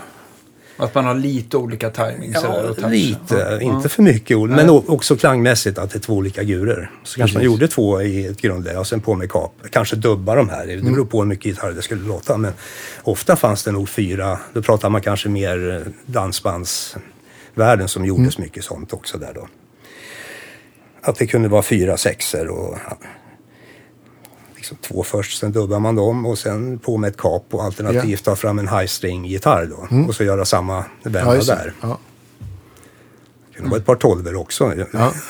Men jag tänker, mycket ackar. Jag kan, Ja. Vad jag förstår så är du och, Rosén är väl nästan de mest inspelade gitarristerna i Sverige idag va? Kan man... Eller skulle du vilja Ja, jo, det kan jag nog tänka mig. Om, Ja. man, om man tänker, om man inkluderar hela den lite okända studiovärlden då. Där vi, ett gäng kanske förekommer på plattor som inte, där det inte står, framgår så tydligt. det, Aha, kan just stå det. att, det kan stå att det medverkar gästmusiker. Ja, just det. Ah, okej, okej. Har du... Har För det du... var mycket så att, att man spelade på, på liksom, stora dansbandsplattor men det kanske inte framgick att, Nej, precis. att de inte spelade. Nej, och det där var ju lite win-win för att för oss under väldigt många år så var det väldigt bra jobb. Ja, verkligen. Och dansbanden och skivbolagen de föredrog att, för att vi gjorde ju det här ganska fort om man säger Ja. så, utan att det ska låta skrytigt, men vi hade ju en väldig rutin på det. Va? Ja, det förstår jag. Och då och då så var det väl en del band som skulle spela själva. Det, tog ju, det blev ingen bra ekonomisk grej om man säger Nej. så. Det tog tid och det var, man kom fram till att det är bättre att de är ute och giggar och så. Alla vann på det. Ja, vi gjorde liksom bakgrunden. Sen kom ju sångar och sax. Ja. Jag menar sådana Ja, det som, som livsnödvändigt. lead-grejerna så att säga. Men bakgrunderna gjorde vi väldigt mycket. Och under åren är det ju nåra det har väl försökt rotas, och det är ju ingen hemlighet. Kollar Nej. man eh, sami så finns ju det noterat naturligtvis. va. Men det har väl varit någon journalist då och då som skulle göra liksom scoop och avslöja något Ja, hemskt. Det är ju ingen som är intresserad av det. För det, är, det är ingen hemlighet egentligen Nej, att vi Ja, var med och stöttade. Så har det varit även, ja, men, eh, Kiss har ju aldrig hy- hymlat med att de tog in liksom Nej, nej, andra musiker som, som Nej, spelar på deras visst. plattor. Det ju, det är så här, de ville, det var också samma sak. Gene och Paul tyckte att ja, men det skulle bli så bra som möjligt. Det Ja. spelar väl ingen roll om, om, om Det det, var vi en eller någon skön annan. dokumentär här om- för ett par veckor sedan. Såg du den Kiss? Nej, den missade jag. Kiss och den försvunna gitarristen. Jaha, okej. Eh, vad heter han? Wins... Ja, någon av... Vinnie Vincent, Ja, precis. Han som opererar sig till... Ja, just det. Ja, Ja, det, var, den ligger, det var på SVT. så Ja, den kanske finns att på Play fortfarande. Ja, det måste jag. Åh, vad kul. Nej, men det var ju som du säger. Det var ingen hemlighet. Nej. Ja, men det var, jag, jag, jag berättade det för Danne. Jag, jag delade ju lokal med Tobbe Gabrielsson, basist. Ja. Han berättade någon gång han hade, hade spelat in med, med just dig och Hasse Rosén. Och han sa det att det var så häftigt att se er två tracka Ackegure. För det var som att ni inte hade gjort något annat. Det, var, Nej, nej, det lät vi- fantastiskt bra och gick. Jag har gjort det mycket. Ja. Och det är en sån där grej som, eh, det tycker man ju, det är väl inget konstigt att spela ackgura på dansbandslåtar med. Det ska inte gnissla och det ska... det är värre än man tror. Det är ju som ska- att spela tamburin och spela Ja, precis. fring Ackegura som jag kallar det. Ja. Liksom. Så det, är- ja, det är en Det var konst. tyst vid ackordbytena och nej, Ja. vi, Har du, jag hade övat ganska mycket på det. Jo, men eh, honom råkade vi på lite senare. När, när KMH la ner och Lennart Sjöholm startade upp ute i Hässelby. Vi spelade in ganska mycket sånt här Mm. hos honom också. Och då var det han bland annat. ja. Gabrielsson där. Blev det lite andra medverkande ibland. Men, men jag tänkte just det här du pratade om eh, gnisslet. Har du, kom du på någon sån här patentlösning på hur du skulle byta ackord för att inte gnissla? Ja, för, förmodligen omedvetet, men ingen, Ja. inget patent. Nej. Lite framförhållning på något vis, Ja. några millisekunder. Och precis tänka vart man ska Tänka. på nästa ackord. Ja. Ja, det, absolut. Och det gäller ju lite notläsning överhuvudtaget också. Vara ett steg innan på något sätt. Mm. Ja, men jag, exakt. jag vet inte faktiskt. Har, har du någonstans eh, fått reda på hur många låtar du har spelat in som liksom har hamnat på skiva sådär? Jag kollade för ett antal år sedan. Då, då var det över 1500 produktioner. Okej, Alltså och så, så är det några låtar i Ja, varje produktion det, då? ja, så det blir ju många, många, Många gånger det tusen, naturligtvis. ja. Jag vet inte om man idag kan logga in och det kan man ju. Man kan ju kolla sina uppgifter. Mm. Jag vet inte om man får sitta och räkna rad för rad eller om det går att se hur många det är. Men eh, många, Och många, några, många. och några Väl- hits som har sålt eh, ganska mycket som... Ja, eh, jo. har, har, du har du någon topp tre-lista på liksom mest kända låtar du har legat gitarr på? Får du säga så? Ja, men det måste väl vara ABBA-låtar naturligtvis. De vinner. Jag tänker också så här, Järrestad måste ju ha sålt en, Ja. en hel hög, i Ja, alla fall men i Sverige. Gärdestad, det var ju väldigt mycket Janne Okej. Ja, det var märkligt. från början som, Som som, som var, ja, Okej, okej. och fick, höll ordning på grejer. Mycket bra gitarr. Jag spelade på några enstaka grejer, men då var det lite senare. Låt kärleken slå rot och då Benny producerade Ja, några enstaka låtar, och även Rutger. Herreys där tänkte jag med. Ja, ja, Herreys. Det måste ju... Jo, men jag kan säga, det är nog allt vad det gäller Herreys, Carola, Ja, men Ja. visst. Lasse Holm, vad har vi mer från den tiden? Främling är väl ett hyfsat klassiskt. Ja, jo, det är ju Man ganska tänker sig gitarrintro. Ja, precis. Ja, Då hade det blivit... Då hade jag, jag hade en Strata 62. ja. Just det. Den är också på ABBA-museet för övrigt. Men eh, det kändes att man behövde lite mer rena ljud än vad Les Paulen kunde erbjuda på något vis. Det blev en annan gitarrepok där. Okej, så du gjorde du av med Les Paulen redan då? Nej, eller? det gjorde Nej. jag inte. Nej. gjorde jag för några år sedan. Men eh, den här Stratan var, hade jag under många år. Det var väl liksom bruksgitarren. Den vita? Ja, en vit. Men för den är om man tänker så här, eh, det här ABBA Wembley Live Ja, från men det är ju 79, den. Mm. det är ju den. Det finns ju på YouTube jättemycket. Det Och finns den- utgiven som konsert också. Ja, precis. Och skiva numera. Ja, och skiva. Lå- Jäkligt bra. Det var ju väldigt samspelt. Tyvärr så går det, många låtar går väldigt fort. Ja, Det, är- Just det, det har är- man hört. Det Det, var- är lite synd kan man ju tycka. Ja. Men det var liksom ja, det- sån där livepuls som Ja, blir. Och det var, i, exakt. det var inget klick. Nej. Och inte ens klick i, i inräkning. Utan det var, nej, det var att köra bara. ja. Ja, det blev ju så mjuk i lederna efter hela turnéerna så att det, det, vi kunde spela fortare och Ja, ja. fortare. Ja. Men det är lite synd på den plattan för den låter väldigt bra tycker jag. Men det är retfullt att det går så hisnande fort vissa Ja. låtar. Jag tänkte att det kanske när det kommer upp i sådana otroliga tempon att det kanske är vissa saker som är svåra att genomföra rent för att det just går för fort helt enkelt. Nej, då, nej, det var inga problem. Men det där är ju ett syndrom som man ofta märkte på den tiden när man liksom man, man, man blir förvånad att när man lyssnar på live Ja, ja, det så kassettinspelning att det går så fort. Man upplever det inte så när man spelar. Nej, nej, och det har säkert någonting med någon pulshistoria att ja, men det är adrenalin, man får ju adrenalinpåslag och det är liksom... Och, Absolut. och det är ju, ni, ingen av er tänkte ju på då ni spelade Summer Night City till exempel att shit vad fort det går. Utan det Nej. förmodligen, Nej, det känner man inte "Jävlar, då." bag det. Så är det. Precis. Ja. ja, men det har jag varit med om själv också. Och jag har också varit med om, om tvärtom då man har, har spelat med backtrack. Så man vet att det är samma tempo. Ja, och tycker att det går långsamt. in- men hur långsamt går Ja, det idag? ja, det är, precis. Så det är konstigt. konstigt Ja, ja, det är ett nog fenomen med det där. Det har ju man- med adrenalin och puls ja, att göra. På. Och hur man kanske mår för dagen. Ja. Om man är trött eller... Ja. Den där stratan, det var som sagt 60, inte 62 och någonting som heter A-hals, en väldigt tunn hals. det här är ju Bengan Blomgren lärt mig som kan allt sånt där. Men det var inget bra, inget bra ljud i. Det var bra ljud men väldigt svagt kan man säga och väldigt brumkänsligt i originalmickarna. Och det har också Bengan berättat. Det året höll man på att experimentera med lite med linningar med mer eller mindre framgång. Så att jag, jag böt till att man kunde, det kan man säkert fortfarande, köpa ett färdigt kit. Plocka bort hela original plektrumskyddet med mickar och allting. Löda loss och sätta dit ett färdigt kit från Schecter. Ja, just det.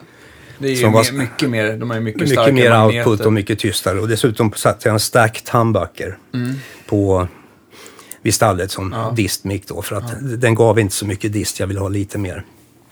Men den hade jag under många, många år. Ja. Och på alla, inte, inte första den här ABBA-turnén 75, då var det Les Paul, men sen var det den hela vägen.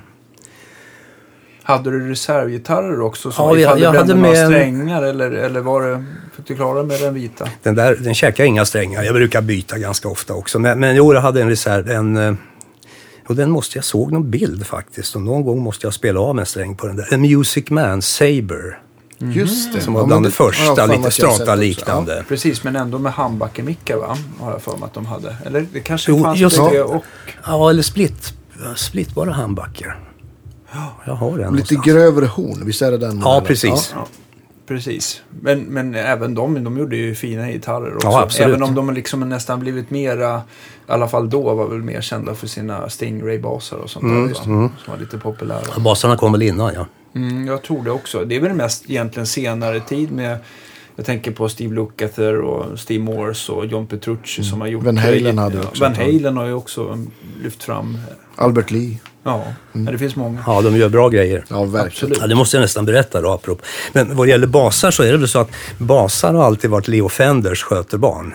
Alltså Fenderbasarna kom ju innan gitarrerna. Ja. Om jag fattar saker rätt så var det först. Och jag tror att det var samma med Music Man.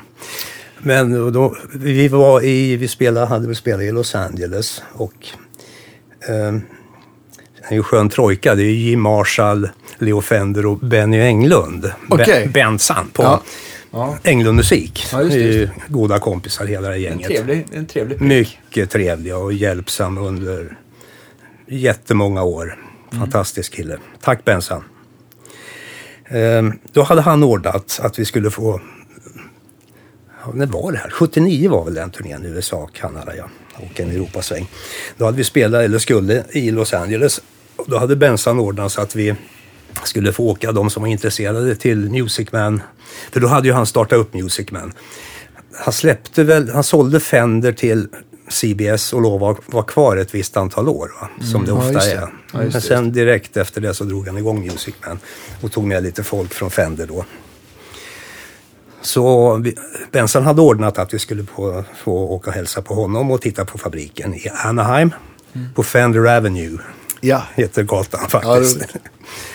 Eh, Så vi blir mottagna av, vad heter han, andre mannen som under alla år, även från Fender-tiden, Tom någonting tror jag. Eh, ja, alltså de Fender-namnen, det är- står lite eh, stilla här. Men jag tänker ju på Fullerton, men det är nog inte han när det fan, han hette Tom i förnamn den här killen. Ja, Kille samma ålder som Leo Fender. Ja.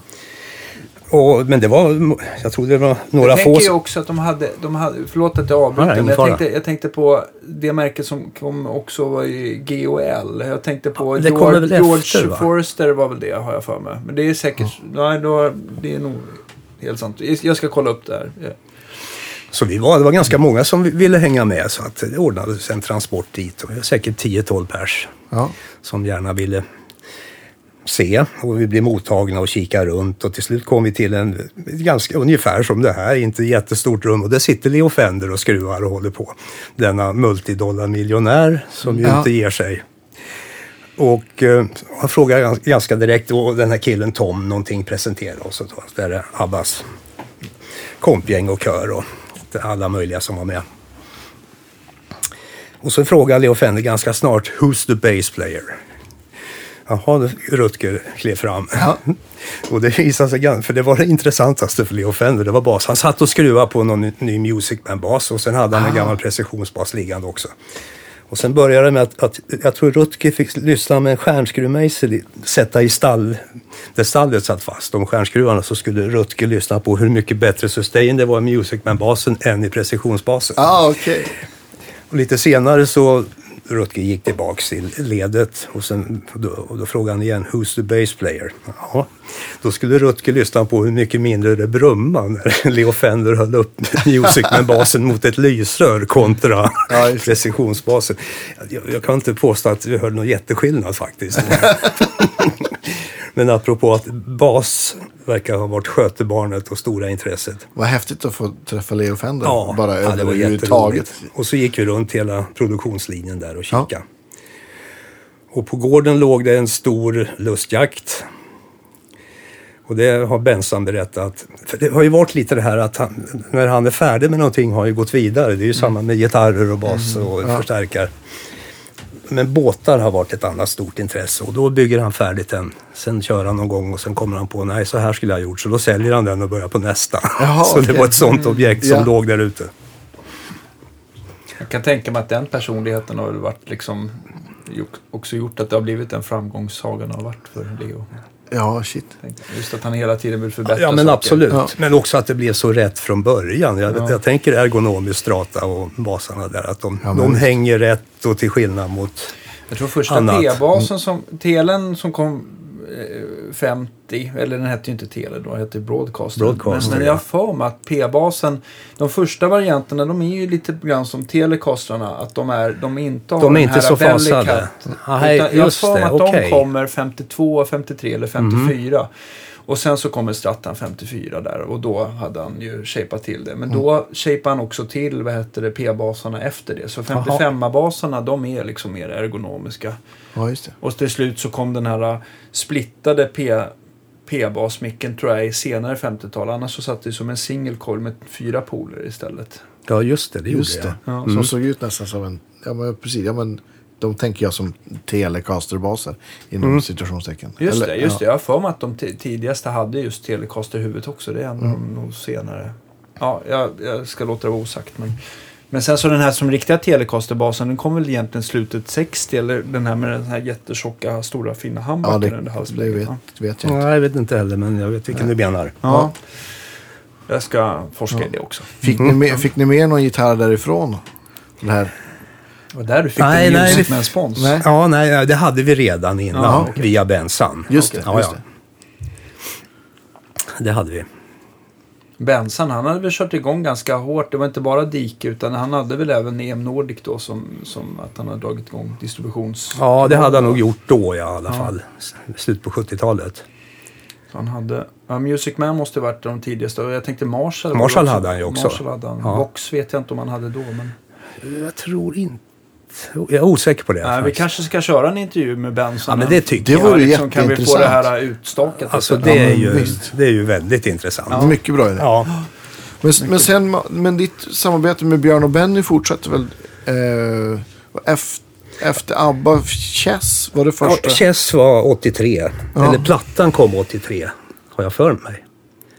Så vi, jag tror att vi började jobba 82 någon gång redan. Ja. Och det var en ganska lång procedur, Chess. Inte beroende på att det tog lång... Ja, de skrev ju låtarna men så vi, höll, vi höll ju på och lekte helt enkelt. Ja, Och det var oklart vilka solisterna skulle vara så det var svårt att spela in Final då förstås. Utan, Så det, tog, det var några månader vi höll på med det där. Och sen vissa grejer så la London Symphony på just det. Till bakgrunder. Vissa grejer var vi över i London och spelade live alltihopa då. Som Ja, det är lite krångliga, just sådana med mycket rubateringar och diverse saker. Så. så var allt samtidigt med hela London Symphony. Av de symfoniska grejerna. Just det. Ja, det var roligt. Sen gjordes det en turné då med, om det var sex jobb. Det var premiär i London och det var ju 83 någon gång. Så var det Paris och så var det någonstans i Holland och Tyskland och sluta på Berwaldhallen här med, med en konsert då. Nej, det, det var roligt. Jag, jag har minnen av att, jag menar att jag hörde dig också. Att du låg, du låg på Svensktoppen i alla fall en eller två gånger tror jag. Ja, ja just det. Men då är, då är, det, då är det 85. Det är 85 då? Ja, okej. då, första soloplattan i modern tid om man säger Ja, så. Då, man exkluderar det full Full, hand? hand, ja. Ja. Full hand, För där var, spelade vi in en instrumentalversion av eh, Romans ur pastoralsvit. Precis. Av Lars-Erik Just det, Larsson. du gjorde lite så här klassiska Ja, tolkningar. ja. Den, är- det är jätte, jag jättefint. Ja, precis. Ja, Just på tal om din men den, fantastiska det var lite roligt. Det, historien runt den, därför att det var lite känsligt. Att, alltså världens sämsta symfoniorkester får ju spela in vilket symfoniskt verk som helst. Det finns ju ingen koll på om, om instrumenteringen är densamma. Ja. Då är det ingen koll på om det är dåligt, då måste ingen fråga något förlag. Men i och med att man ändrar instrumenteringen, precis som om man ska skriva en egen text till en amerikansk låt eller, någonting, eller svensk, så måste det kollas med förlaget. Och I det här fallet så var det ett företag, eller förlag som heter Carl Germans som, som sysslar mest med klassisk musik som hade Lars-Erik Larssons repertoar. Så Lasse Holm eller Torgny kollade med dem och berättade att vi skulle vilja göra en, en elgitarrversion av en gitarrversion av Romans ur pastoralsvit. Nej, de var fruktansvärt negativa. Det, det går ju, det tror jag inte vi... Ni får gärna göra ett försök men eh, vi måste ju godkänna det här. Och det, det låter konstigt att man ska spela in det med ett knäppinstrument. Det är ju knäpp, ja, men det kallas så. Det är ett knäppinstrument. Ja, De den tänker klassiska världen. akustisk, Ja, i ja. klassiska världen. Ja. Nej, vi spelade in den och spelade från partituret faktiskt. Ja, man kan säga egentligen så är det mer Peter Ljung än jag som spelar. Därför att det, vi körde, och det var en emulator 2 hette väl bäst- bästa samplingsynten på den tiden. Jag tror det var en emulator 2 som Peter hade. Så vi liksom partituret nerifrån och upp i princip börjar fylla på. Så stämmorna. Mm. är precis som de är va, med olika ljud Ja. Ja. från emulator 2. Så att, och sen spelar jag i princip melodin. så det är nästan mer Peter än jag som spelar på den. Ja, men du spelar melodin med den här. Ja, jo, men det är ju det Jag som- hörde den på, på, på P4 bara för ja, men ett par veckor sedan. ja, så jo, körde jag- så dyker så jag- upp då och då faktiskt. Det var, jag var på väg hem från något jobb. Ja. och Jag tror det var den här Karlavagnen eller någonting. Så, så kom det upp. Ja, och, kul. Och då fick jag en sån flashback just eh, till... Och, för den låg på Svensktoppen va? Ja, det gjorde den. Ja. Ganska länge faktiskt. För, det kommer, för så, var, så hörde jag ditt namn första Mm. gången. Då var jag bara barn. Och, men, och, och jag var extremt fascinerad av, av liksom... Ja, det var ett roligt projekt. Peter spelade in, fan, vi hade, han, han gjorde en stödsynt först. Ja. Med, och i, i öronen hade han eh, Stockholmssymfonikerna där Lars-Erik Larsson själv dirigerar. Det är Just det. originalet. Ja. Sen följde han då så gott alla rubateringar och så vidare. Ja. Precis, men med ackord bara. Som, se- den synten finns inte kvar sen. Utan sen, Nej, börj, sen, bör, sen började vi bygga Ja, från just det. partituret. Va? Ja, vad häftigt. Och sen åkte Lasse eller Torgny, eller båda, upp till Carl Germans och spelade upp det här. Ja, då applåderade de faktiskt. Ja, vad kul. Det var ganska Aha. häftigt. Och så skickade de ner det till Lars-Erik Larsson som tyckte det var jätteroligt.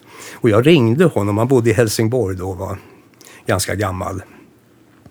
Och han tyckte det han var jätteroligt. att Ja. ligga på Svensktoppen. Ja, visst. ja, det var lite häftigt just att det var så negativt från början. Och sen, Ja. Ja, det är jobbigt om det blir tvärtom. Ja, jo, det hade ju kunnat blivit pang bom och då hade vi fått tacka just det förstås. Var du ute och spelade någonting på, på de skivorna du gjorde där? Ja, då, det året gjorde vi en paketturné kan man säga. Med, med ungefär det kompet som...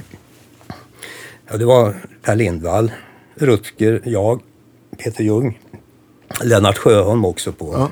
extra kör och keyboard. Och, och eh, Erik Häusler Ja.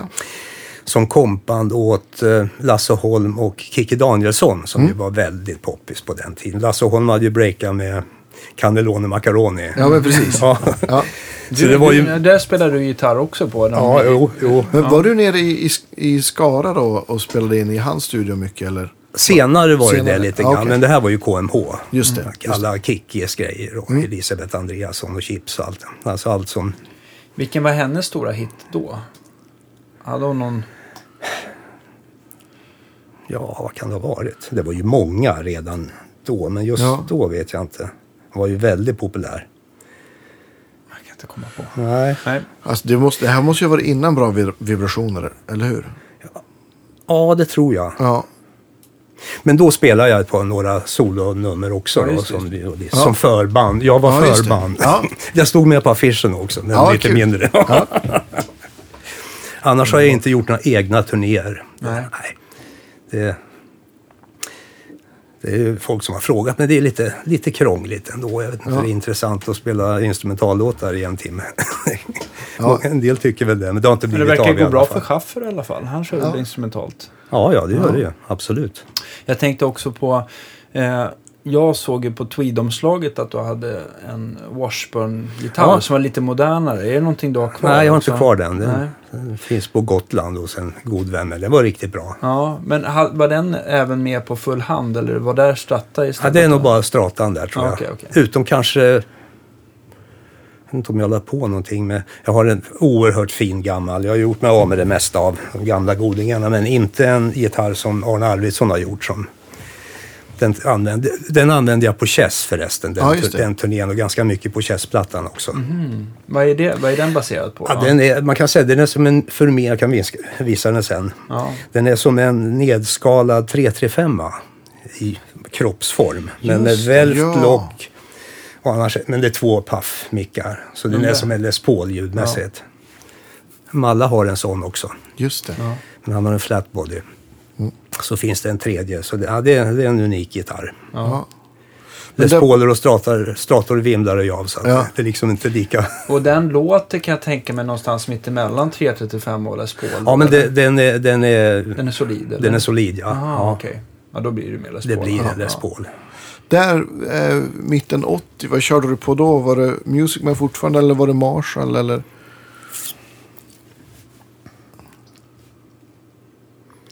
Ja, det var Music Man. Det var Music Man Ja, då? det var det.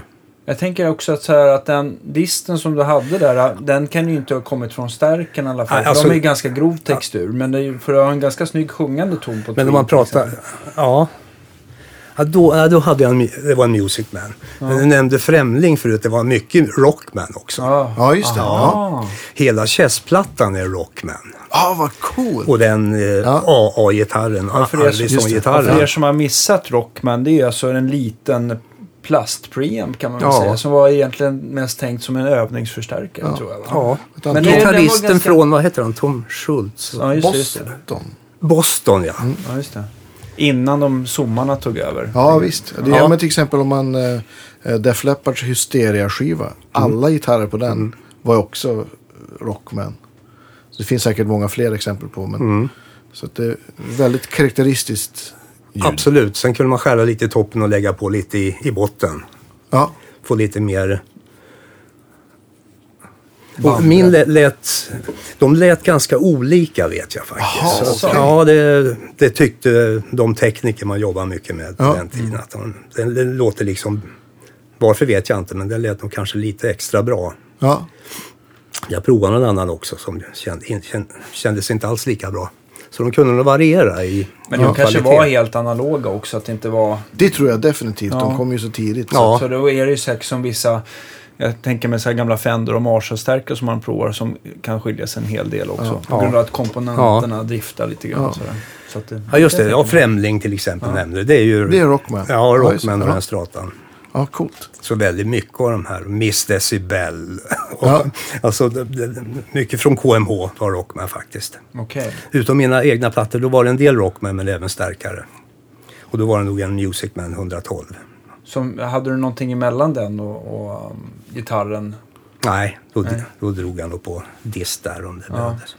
Slutsteg. Ja, för, för Music Man, det är väl att de eh, flesta i alla fall av de 410 och 112 att det är transistorförsteg och sen så Ja. är det typ tre, två eller tre rör i dem. Det fanns, det fanns ju både och tror jag, Ja. 112 och konstigt nog så tyckte även Håkan Mjörnheim körde mycket Mm. på en sån Björnefort. Både han och jag tyckte att den med transistor i försteget lät bättre än Ja. än helrör-grejen.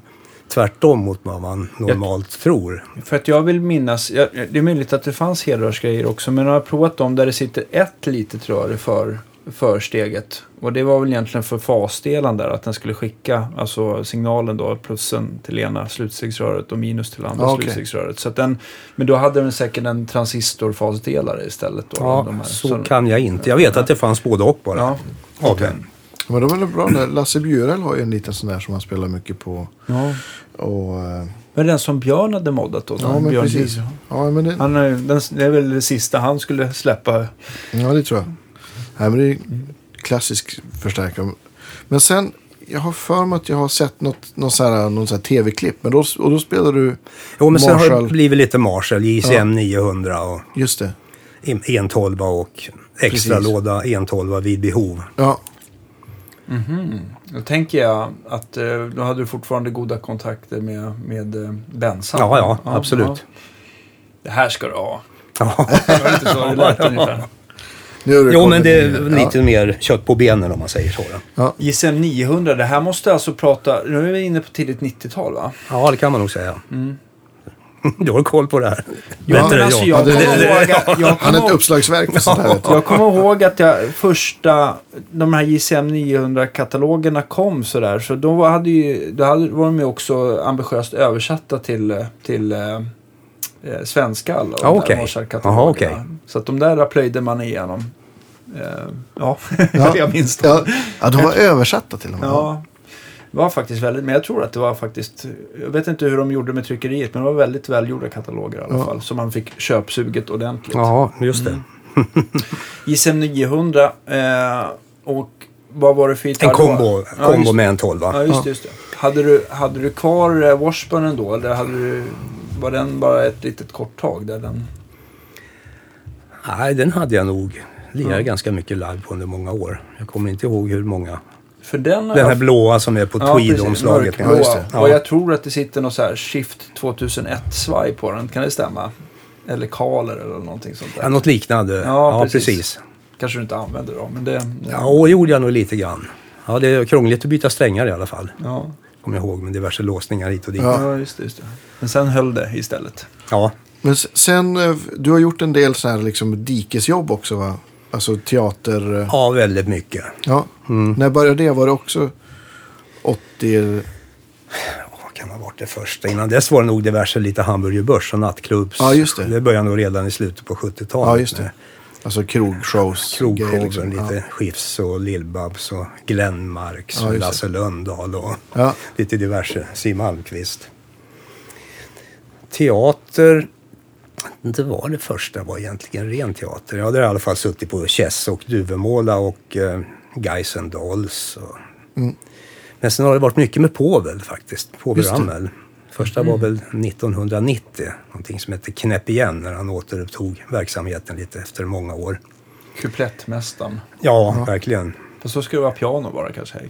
Ja. Det höll ju på nästan ett år med tror jag. Vi var väl ett, eller ett mer. Var väl ett par säsonger på Cirkus. En Ja. säsong i Göteborg och en i Oslo. Ja. Och sen ett par omgångar till med Povel. Så det var ganska långa projekt med honom. Det Mm. sista var eh, 2000. Med Putte Det var väl lite mindre. De, men de första var, ja det hette Kolla klotet en grej också. Men då var det lite större band med blås och grejer. Så gjorde vi en grej 2000. Då var vi bara komp i princip. Hasse Gardemar, Anders Elias, keyboards, Peter Milefors. Eh, Backa Hans Eriksson, bas. Ja, och jag. Vi var bara det. Och Putte Wickman var. Ja. Ja, förlåt, Janne Lundgren. Just Den det. förnämlige jazzpianisten. Ja, visst. Och Povel och Wenche Myhre. Så det Ja. var lite mindre grejer, men det var väldigt, väldigt roligt också. också. Det har varit väldigt roliga grejer med Povel överhuvudtaget. Ja, det kan jag tänka mig. Ja, ja, det var väl inte mycket sura miner från den man... nej, inte det minsta. Men si- teatermässigt var nog Chess det sista jag gjorde. Du- Duvemåla var ju innan vad det gäller cirkus faktiskt. Just det. Sen kom Chess, men då åkte jag ju på en tinnitus-smäll. Oj. Oh shit. Så att sen dess har jag lagt ner den verksamheten. Jag, jag har triggat ner överhuvudtaget live-jobb. Alltså. Det, det kommer och går den här tinnitus-grejen, men det är väldigt lätt att det, man triggar igång det. Hur, kä- hur känns det idag Ja, då? det är ganska bra nu. Mm. Jag tar, försöker passa mig överhuvudtaget. Ja. För, och det gäller ju vardagen också. Ta ett, fram ett spett och få upp en sten och dänga till några gånger. Då kan det tjuta igång. Mm. Och hålla på i två veckor om man hör tvåstämmigt. Och Var det någon speciell incident? Det som- var nog bara starkt i det diket. Och jag satt... Lasse Jonsson, utmärkt Ja, gitarrist verkligen. som ni säkert känner till. Han och jag har delat på ganska mycket sådana här teaterjobb. Någon är ju alltid stolsansvarig som det heter då. Ja. Och det var jag i det här fallet då, vad gäller Chess. Och Lasse var, annars jobbar vi nog i princip 50-50 kanske, eller jag kanske jobbar lite mer. Men här var han ute med, var det år 2000 tror jag, i december, ute med det som heter Stjärnklart som ni förmodligen känner till. En julshow som har hållit på i många år. Så jag blev sittande på heltid under ganska många veckor där nere i det här lågt i tak. Det gick ett år med, jag vet inte hur mycket folk som har trängts ihop där. Och Där jag satt var det väldigt starkt. Jag hade spelglada kamrater runt omkring. Och det blir med lågt i tak och brasset, även om det var många meter bort och utmärkta blåsare. Och det är väldigt starkt. Trumpet I är vansinnigt starkt alltså, Ja. exempel. Och de var ju två och två tromboner. Och symboler och... Ja, Jag kan tänka mig om det fanns något Leslie där med or orgel. Då brukar det ju kunna dra iväg också om man hamnar nära den. Just när det hände var det en spelglad keyboardkille som hade egen mixer. Som eh, just hade ett orgelljud på låten i fråga. Ah. och eh, Jenny Läcker som... Så det var starkt. Jag vet precis vilken låt det var. Och blir man inte så förbannad just när det händer också? Jag märkte inte då så hemskt mycket, men det är ju när man lever i en sån miljö, det är lite mörkt och man... Mm. Jag vet inte om jag kände förrän jag kom ut i bilen att vad är det här för någonting? För det blir ju en balansgrej också va. Mm. Och sen kom jag hem och då blev det tyst och tänkte, jaha, nu har det hänt. Så det är klart, jag har hållit på och slitit på dem sedan man var 16 år. Man, Under många år spelade man ju väldigt starkt på scen. Alltså. Mm. Det gjorde man ju. Så det är väl inte så konstigt. Hur lång tid tog det innan det började återhämta sig då? jag tycker nog något halvår. Ser. Mackan Englund, basist, gammal god vän, förnämlig basist. Han hade åkt på det här några år, några år innan så att han, vi pratade ganska mycket och han tipsade om att det är ju bara att vila och ta det lugnt och passa sig för Ja. vissa miljöer. Och även ett naturmedel faktiskt som heter biobiloba som är från någon, någon ört. Och det, det tycker jag hjälper. Ja. När det kör igång så då jag bli lite flitigare med de tabletterna och det var Mackan som tipsade om. Är det typ så här hälsokost? Ja, det är det. Och Pharma Nord eller vad de heter de här. Som, det finns säkert flera olika. Någon växt som heter ginkgo biloba. Det kommer ifrån. Men just den här varianten heter biobiloba. Men det kan man tipsa alla som lider av tinnitus. Det var väl ett fantastiskt bra tips. ja, men verkligen. Och jag tror det blir känt mer från början att det hjälper lite blodgenomströmning, minne och allting. Alltså jag kommer ihåg när man såg reklam om det först. Då var det liksom för att hjälpa minnet mycket Ja, just det. Nej, det tycker jag funkar. Det Men jag är det andra. Ja. Men jag är, lite, jag är lite restriktiv med livejobb. Dels Ja. jag väl liksom, man började åka när man var 16 och som sagt som jag nämnde nå- 12 000 mil då och då på ett Ja. år så jag är väl inte jättesugen att åka turné ärligt talat. Nej. Och jag, Nej. så jag är ju jag är pensionär. Har, har, har du något, minns du något så här rekordår an, i antalet liksom eh, utfärda jobb eller livejobb? Nej, men jag skulle tro att det var 73 eller 74 Ja. med, i samband med Ted där. Ja. hur, många, hur många tror du att det var på ett år? Då, Ja, jag, tyvärr har jag inte kvar eh, dumt nog. Jag förstår inte att jag inte har sparat kalendrar från den tiden. Eller också har jag det någonstans. Ja, men så här, hund, det är ja, 150 stycken säkert. Säkert, Ja. säkert. Ja. Men jag kan tänka mig om du också gjorde, det måste ju vara ganska mycket jobb då, då du satt liksom på KMH och kanske gjorde krogshow på Ja, men det, ja, men det, absolut. Du måste ju ha dragit ganska ihop ganska alltså. många Ja. arbetsdagar på, år- per år. Verkligen. Men så jag tar det, jag sa att jag är pensionär, ja det är jag i och för sig. Att vid 61 års ålder så kan man ju plocka ut den allmänna pensionen. Och det, Ja. det har jag gjort. Så att jag, går lite på, jag jobbar ju mycket hemma med både Ja. gitarrpålägg och även hemsidor. Men jag spelar ju då och då, men jag är inte så sugen på att åka. Jag är lite svårflörtad om man säger så. Ja, jag förstår. Och det har mycket att göra med öronen. Visserligen man lirar och in-ear-system idag så har man ju det under kontroll. Om ingen monitortekniker gör bort sig och ja. tjuter till. Men det har jag inte råkat ut för. Men det är också det här sociala som blir väldigt... Ja, alltså det, bland det värsta som för mina öron det är långbord och sitta Ja, och bakgrundsmusik och många pratar. Då, då blir inte jag gammal. Alltså. Det, det har jag väldigt svårt för att vara med. Mm. Det, blir, det blir ointressant. Jag blir ett ufo. Jag, liksom, jag hör inte till slut vad folk Nej. säger. Då. Men det, Man det, kan ju inte sitta med proppar heller, det är inget nöje. Nej. Men det lider man väl av själv också känner jag. Nu har inte jag haft, nu har jag haft tur att inte få de här tinnitus-pipen. Mm, som men jag tror många va? lider av just det. Men just faktiskt. när det blir såligt så, eller att det blir stökigt eller att Mm. det är mycket runt, ljud runt omkring när man pratar i telefon kan det bli lidande av. Men här ute förstår jag att du trivs för här är det ju väldigt lugnt och skönt. lugnt och skönt. Ja. Nej, men just, just om det är bakgrundsmusik också, vilket det ju tyvärr är överallt nästan nu för Ja, tiden och alldeles för starkt. Man får boka in på någon sån här engelsk pub där det det, är mycket finns- så här hagar och det är Ja, mycket tyg på Ja, väggarna. liksom. Men är det inte någon av pubkedjorna som har som policy att inte ha musik eller väldigt svagt? Ja, men vad heter de då som Jag tror det, som Elithotell? eller? Ja, som hör ihop, ihop med Eh, Elit, ja. mm, de det, det är ju, annars kan inte jag Jaha, vara på... eh, Annars går det inte att vara på sådana ställen Nej. för min del.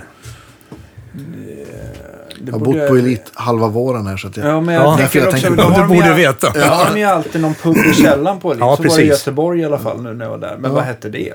Det, det var ju något engelskt pub. Ja, men precis. Ja, Mm. men de sitter ihop med Elit. Ja, skitsamma. Och spelar inte eller svagt i alla fall. va? Precis. Ja, men det är väldigt, väldigt skönt. Va- Vad gör du för gitarrpålägg i dagsläget? Är det, kan det vara allt möjligt eller har du några? Han, just nu, har, det- den sista tiden har det varit lite rock och pop. Mm. Några sådana här... Under åren har det varit väldigt mycket dansband också här Ja. faktiskt i, i hemmet. Mig. Postordergitarr, helt enkelt. Postordergitarr, ja. Men på sistone har det varit lite sådana enstaka pop... Killar som skriver poplåtar helt enkelt. Mm. Kul. Gör, gör kanske inga riktiga utgåvor men lägger upp på iTunes och Spotify. va. Även en engelsk, sist bland de senare var någon engelsk punkgäng som Jaha, kul. ABBA-gitarristen, den gamla ABBA-gitarristen skulle spela Ja. ett gitarrsolo. Det är skitkul. Ja, det är grymt. Så det är allt möjligt. Och det är, ibland är det jättemycket, ibland är det mindre, som med allting annat. Ja. Händer det... Jag förstår ju att det här med att liksom sitta i en studio och göra gitarrpålägg, den tiden har försvunnit mer och mer. Ja, det har det. N- När, Mm. när, när ebbar det, den delen ut för dig? Att det började väl dala någonstans i slutet på 90-talet och en bit in på 2000 fanns det väl kvar. Men Det började ju göras mycket Kan man väl mindre säga. skivor då också. mycket mindre. Hela branschen dalade Ja. ju.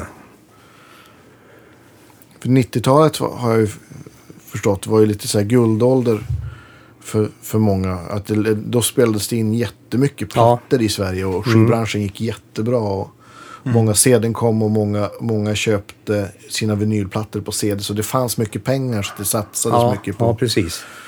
Och gjordes jättemycket Mm, produktioner. Stora produktioner helt enkelt.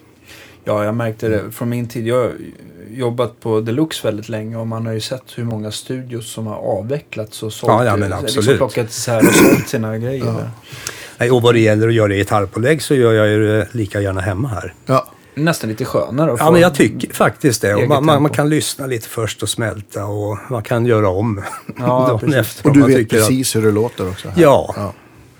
Hur, hur, Och, och även ackgitarr. Jag har en Audio Technica, en, vad den nu heter, 4060. En bra allround-mick för allt möjligt. Ja. Elgitarrer, det blir burkmässigt. ja, Den podd rackvarianten med ljud som man... Det är inte mycket originalljud man använder utan det är sånt Nej. man har skruvat fram under Precis. år. Och ett Fireface. RME-ljud. Ja, Ja. precis. Lite små burkar som räcker. Ja. I dagsläget behöver man ju inget mer än man så. behöver inte det. Nej. Och en bra dator och Ja, men visst. Cubase. Som Ja, men är, visst. Jag har inte ens uppdaterat det senaste. Det behövs ju inte heller. Nej. Jag kör 6.5 som räcker och blir över. Ja, ja. Funkar klockrent. Då du mickar, vi har ju pratat om Acke-inspelning. Hur brukar du micka? Har du någon så här standard vart du sätter Ja, mikrofonen? jag har ju lärt mig mycket av de här gamla hedersteknikerna som jag Ja. har jobbat mycket med under åren. Conny Ebergård, Åke Gran, Gran Lass, Ja. Lars Rosin. De, de, som var med från den tiden när tekniker väl nästan hade vit rock. Ja. Jobbade på Ja. Europafilm allihopa. Ja, ja, Så att lite, jag brukar nog hålla mig ungefär, tänka tolfte bandet. Ja, Och lite, lite uppifrån. Snett uppifrån. Lite grann. så här. 20-25 centimeters. Typ.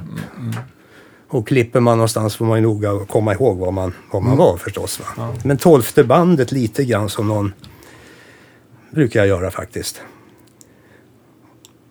Ja, det tycker jag funkar. Ja. 15-20 centimeter. Jag tänkte så här på, det är många som är så här känsliga eh, just när det gäller att spela in akustiska gitarrer. Många, jag kan själv känna så här att när man provar akustiska gitarrer som låter väldigt basigt och fylligt. Så är de eh, inte bra i sen. ins- nej. nej, precis. Utan man får skära bort det där Mm. som blir too Ja, Jag har en Takamine som, som är just inte så, utan den är, låter ganska lite egentligen. Men Ja. funkar bra på inspelning. Och sen kör jag någon, vad heter den där, Umeek, en liten preamp. Som står ja, och lite kompressor. Ja. Och som, ja, ett Trycker bra ihop. standardläge som Ja, trycker ja. ihop. Funkar även om någon gång någon ska sjunga lite här. Och. Ja.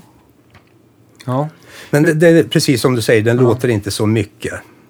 Nej men Takamin, nu, är- nu har de ju flera fabriker men jag tänker på den lite finare Japan-gjorda. Mm. Takamin-gitarrerna är extremt välgjorda och Ja, jämna. ja den är kanonbra tycker jag. Det kanske inte just, precis, det är väl så att just i de här live-sammanhangen och inspelningssammanhangen så är de extremt liksom, det är väldigt lätt jobbat. Mm. Sen så finns det ju så här äh, jättefina handbyggda gitarrer som låter helt magiskt när man slår an dem. Mm. Och fina Martin och allting. Ja, Men det, ja, det är en ja. annan grej på något vis som man kanske inte alltid har nytta av en Nej. inspelning. Nej. Om det ska vara, om, för du, du pratar typ en ackmatta. Ja, eller några precis. stycken. Det är skillnad om det ska vara en solo-grej kanske. Va? Liksom ett ja, men precis. Ja, det tycker jag också. Det är en stor skillnad. Solo-komp, ja det är det ju. Ja.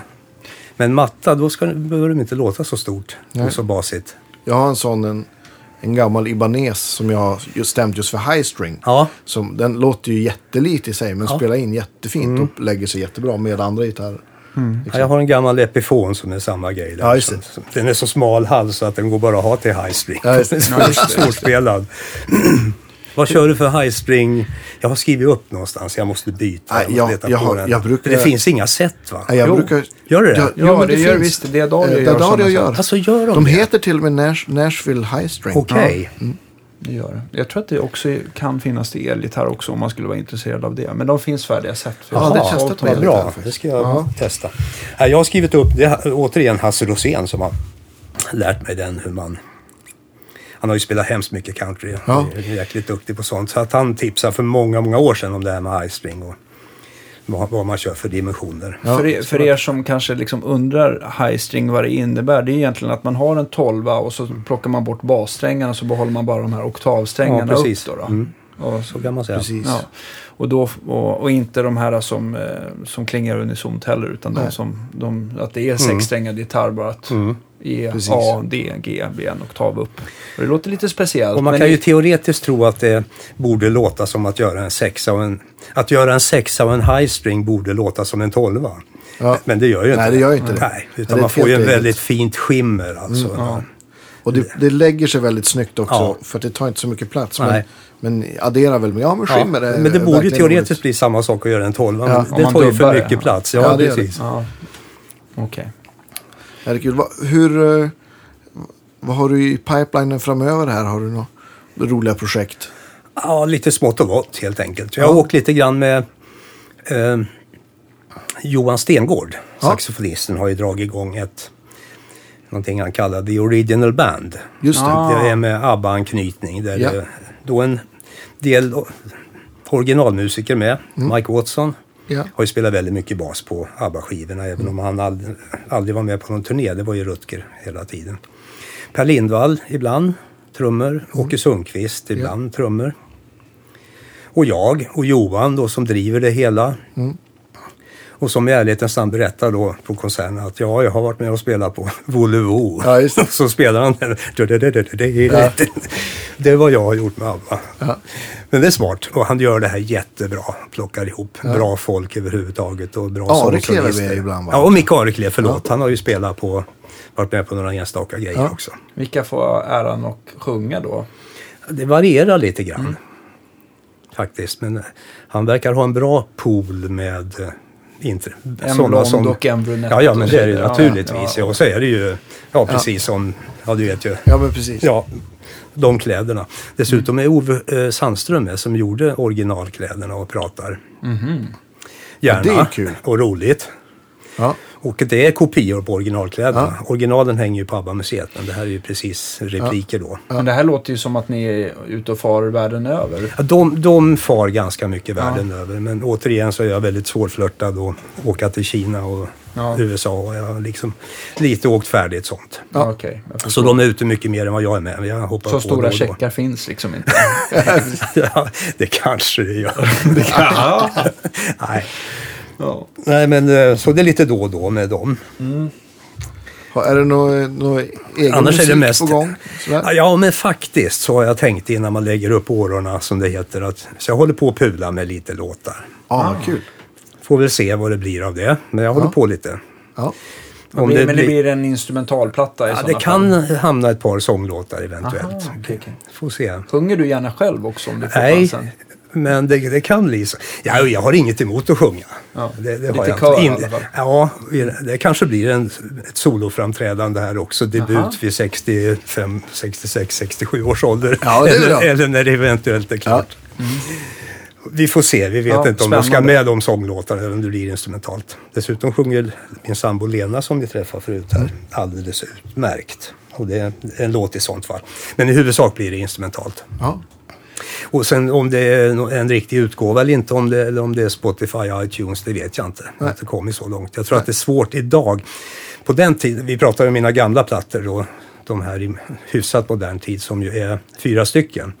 De sålde ju ganska bra ändå. Mycket en väckarklocka var, den, den första var snudd på guldplatta faktiskt. Det är ju Hur fantastiskt. mycket var det då? Ja, då var det 25. Sen höjdes det till 50 tror jag. Det har ju varit lite upp och ner det här med guldplattan. Men den var och nosa. Och det var ju den här eh, Romans ur pastoralsvit. Som gjorde att för, att- för att vara så pass udda skivor som instrumental gitarrplatta ändå är så sålde de ganska bra.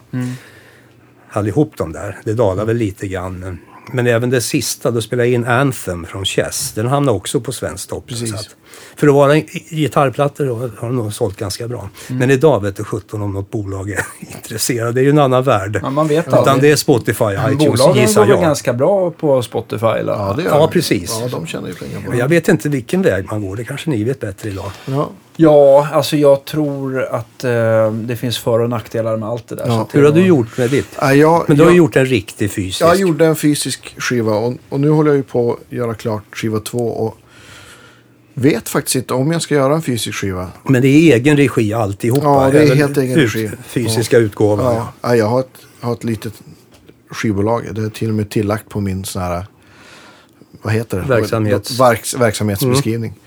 Eh, nej, men jag tror nog kanske att jag trycker upp lite fysiska skivor för att sälja på gig och clinics. Det är ju typ då man säljer en fysisk Ja, skiva. Och det är väl kanske mer för att folk vill ta i hand och säga hej och... och Eller skicka efter på på. någon hemsidan? ja, precis. Men det, det hände Jag faktiskt. kanske med- ringer dig och frågar till råds lite. Ja, det, men det det lite, man ska ju bestämma lite koder på låtar och sånt Ja, där. Och lite ja, men procedur precis. där med IFP och har jag Ja, förstått. och- men, men man ska heller inte, man ska inte fördöma fysiska skivor. För, eh, till exempel i, i Tyskland så är ju, för, om det var 49, komma någonting, nästan 50 procent av all musikkonsumtion sker fortfarande med CD-skivor. Det gör det alltså? Ja, och, och jag, för jag såg någon sån här, undrar om det var, var Stim-tidningen som dimper ner då och då, Mm. som hade listat det här. Och hade gjort en undersökning liksom, i Europa i alla fall. Och, och, och i Sverige vi ligger, har jag legat så långt fram i teknik så att här var det ju, ja men det var ju, jag tror att det var 5 procent typ. ja, 5-7 procent CD-skivor. Resten är digitalt. Så att, men, men till exempel Tyskland är det inte så. Jag vet att i Japan säljs det skivor fortfarande. Så att det kan ju vara bra kanske att ha skivor upptryckta för folk som inte bor här. Jag har ju Ja. sålt, Ja, mesta, det. jag har sålt Ja. mestadel med Domestic Bumblebees har det mest varit utomlands faktiskt. Ja. Men det går ju en hel del i Sverige också. Men Men vad då sa du med? Do- Domestic Bumblebees, det är en sån här rock'n'roll-trio Okej. har. Som, ja, vi har, vi har, Ja, det, vi- jag tittade, jag var Ja. tvungen att kolla lite Ja, igår jag så jag kollade lite Google-bilder. Ja. Det, men det är alltid kul när man ska träffa folk. Att Ja, man ja, vet lite, man, Ja. och lä- läsa lite och kolla. Ja. Men vi- Ja, men- det var lite rockabilly Ja, precis. gänget Det är där, som ja. en blandning. Och när vi kommer till bluesfestivalerna då, då blir vi ju rockabillybandet. Och när Ja. vi kommer till rockabillyfestivalerna blir vi. Bluesbandet. Så vi är liksom så här mittemellan med någon rock'n'roll. Ja, du har ju spelat in Ja. våran kommande så du vet. Eh, men eh, jag, eh, jag måste säga att jag tror, eh, alltså att släppa det digitalt det är nog ett måste. Ja, det är väl ett måste. Absolut. men, men sen så tänker jag att jag är väldigt sugen på att dra upp vinyl också. Det är väldigt Ja, det många växer som ju. frågar, Ja, det frågar vinyl, eh, alltså spela vinyl i den här genren. Och sen så framförallt att man gör singlar. Det är sällan att det blir några pengar på det. För man kan ju inte ta så mycket för en singel eh, när man säljer den. Det Nej. kanske är en 7 euro eller någonting sånt där. Och det är, ganska dyrt att pressa- upp dem där Mm. om man ska ha något omslag också. Men det är, det en, det är den här singeln. Du vet, kommer du fram med en CD-skiva eller någon USB-sticka till någon av de så här DJ, de, de skrattar ju åt det i Ja. princip. Mm. Så bara Ja. Ja, ta det. lite öl istället eller dunka en på ryggen. Utan de vill ju bara spela singlar i den här, i den här genren. Va? Så det ser det nog singlar väldigt olika. De är ju väldigt bakåtsträvande får man. Mm. Så att det funderar jag på. Vinylpresseriet ska, kul. ska kontaktas. Vilka gör sånt idag? Det Atlantis finns- har kvar sina gravergrejer va? Eh, ja, jag tror att man kan gravera lite där, men jag, för, jag tror att det är mycket som pressas utomlands. Det, Okej. finns ju, det fanns ju ett presseri nere som, i, i södra Sverige eh, som körde igång. Men just nu tror jag att det är många som eh, som Ja. skickar till Tyskland och typ Tjeckien. Han för Kenneth gravering. Fors som har den här Strawberry-studion utanför Skövde. Hans son har ett vinylpresseri, vet Jaha, jag. okej. Nu har jag ingen som helst kontakter direkt dit, men det kan jag fixa om det skulle vara Ja, aktuellt. men jag vet, att de, jag vet att de har ganska mycket att göra de där presserierna. Så att, Då ja. kan man mejla du en WAV-fil ja, jag får se. Vi har, och vi har, bildmaterial. Just nu, ja, vi ligger ju fortfarande på Enviken Records som är ganska stora i den här genren då. Fast inte liksom stora, det är inget stort skivbolag. Jag tror John Lindberg är väl deras största Ja. artist sådär som, som det går väldigt bra för i och för sig. Eh, men eh, jag tänkte på, så han sköter ju allting sånt så att jag, jag, eh, jag Ja. lägger mig inte i helt Nej. enkelt. Men vi får se. Men vad kul, då ser vi fram emot ny, ny musik. Ja, jag tror att eh, målet är det i alla fall. Ja. Ja. Kan Berätta, höra- jag höra är så här nyfiken på vad du använder för grejer idag. För Strattan är inte kvar, Les Paulen är inte bra kvar. Jag såg Nej, en... eh, Jag använder mycket. Ska jag plocka fram den eller ska Ja. jag bara berätta? Nej, du Nej, kan plocka fram. Ja. En- Det är en Line 6 Variax. Fast det där är ju någon James- lyx... Det där är en Ja, det här är den nya va? varianten. Line 6 kom, det kom väl för ett antal, kanske tio år sedan Mm. för tiden. De, med den här emuleringstekniken som de har. Så Mm. En gitarr som faktiskt står på ett väldigt bra sätt. Och jag fattar inte att det funkar för det är inga konstiga fördröjningar, inget konstigt överhuvudtaget. Nej. Men den kan ju låta som allt möjligt. Ja. Och den har ju vanliga mickar den där också. Den har Det också vanliga magnetmickar. Det hade inte den första modellen. Nej. Det här instrumentet som, om man tänker rent träarbete, så är det en helt annan nivå än den första. Ja, jag kan säga att de första Variaxerna, jag vet inte hur många bandkanter jag har slipat in Ja, på dem. Det ja. var ju nästan så här självmordsbenäget på hur de stack ut vintertid. Men har den olika outputs den här då? För, Eh, ja, den har en vanlig utgång och sen så är det en digital utgång va? För, Ja, ja, precis. Det här är en USB. Just det, jag har inte tänkt på det. För faktiskt så var det så på den gamla. För jag kan berätta vad den innehåller lite grann. Den Ja. innehåller Telecaster, det får ju inte heta te- Telecaster utan det heter T-model. Och Strata heter ju Spank. Och sen är det Lester, det är Les Paul. Och då är det så här med gitarrer som bara har två mickar. Då kan de ha lagt in på läge, för det är en femläges switch det här då. Då kan man ha lagt in en annan årsmodell på tvåan och fyran. Och så är det special, det är ju lite eh, SG och så vidare. Rockabilly, det är diverse gretschar. ja, just det, just det. Chime, då är det Rickenbacker, guror. Även en 12 Just det. Semi, då är det 335 och så vidare. Så det lite jazzburkar, lite olika på de fem lägena. Och akustiska. Och det var ju där, när du frågade så var det så på att och den låter riktigt bra även om man, gör, om man skruvar till ett bra rent ljud. ja, i, genom gitarrförstärkaren. Men ska det vara riktigt bra, det var det på den förra, då var det ett, en XLR ut också. Så då gick man hellre den vägen med de Som akustiska ljuden. utgång, Ja. Men eh, de akustiska låter jättebra också. Det är både sexor, sexor och tolvor. Mest sexor och ett par det är någonting som heter reso, det är lite allt möjligt. Det är Och det är väl en sån en lite plåt, banjo, lite dobro, lite sitargitarr. Ja, det. Ja. det var där jag hittade det här, för jag hade tänkt att de här sitargitarrerna, om ni kommer ihåg de Ja, gamla ja, ja. engelska som har varit ganska hopplösa. Det var ju egentligen bara Halkan som har ägt den, som väl både Janne och jag, i första hand Janne Schaffer, har spelat mycket med. Ja. Och det har ju varit Halkans gitarr i alla år det där. Men jag har även lånat den några gånger för inspelningarna. Ja, efterfrågat. Och sen kom ju då, med, med, hopplös var den, gick, stämde inget justerbart här. Va? Men då, Nej, okej. det kom ju någon nyutgåva för ett antal år sedan och tänkte jag, ska man köpa en sån där nu kanske då? Det verkar ju lite bättre men ganska dyr. Då var det någon som sa, om du kollar in Line 6 Variax, där har du ju, där har du ju sitargitarr. Ja. Automatiskt plus en massa annat. Och den låter riktigt bra alltså. Det är kanske de nya, ja, men kanske, man, får, man får allt det här för samma peng skulle jag vilja säga. Ja, för de, de är förvånansvärt billiga tycker jag de här. Det. Och det här är en Korea-modell. Jag Ja. läste i Fast testa de här. Det finns en US-made också. av Ja, alla precis. Då är det modeller. nästan 30 000 istället. Ja, och fast mycket. tyckte inte det fanns någon anledning. Nej. De var ju allmänt imponerade av den här Ja. överhuvudtaget. Sen har jag justerat. Jag tyckte originalhalsen var lite för klossig för mig. Så Mm. den har Arne Arvidsson tagit ner.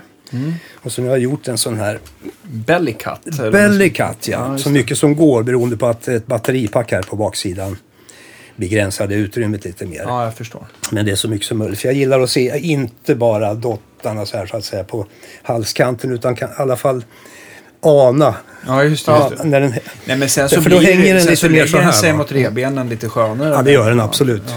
Nej, Det känns som att du, du ändå... det- Det är liksom just Stratans ergonomi som, Ja, har, det, det är ju som det. du vill åt. Det därför förvånar mig att man inte har gjort så här från början. Utan Ja. det här har Bålstam Musik hjälpt mig med. Just ja, det. men det var otroligt snyggt lackat. Ja, det men brukar, annars får man, brukar man se klara skarvar och sådär. Det är väldigt jättesnyggt. Vet man så kan man kanske ana, men nej, Nej. inte om jag putsar lite. Det är fantastiskt bra, både snickeriet och lackningen. Mm. Så nu trivs jag mer med den än i original. Men jag gillar konceptet, det funkar klockrent och eh, då... Jag ska sätta mig igen. Ja.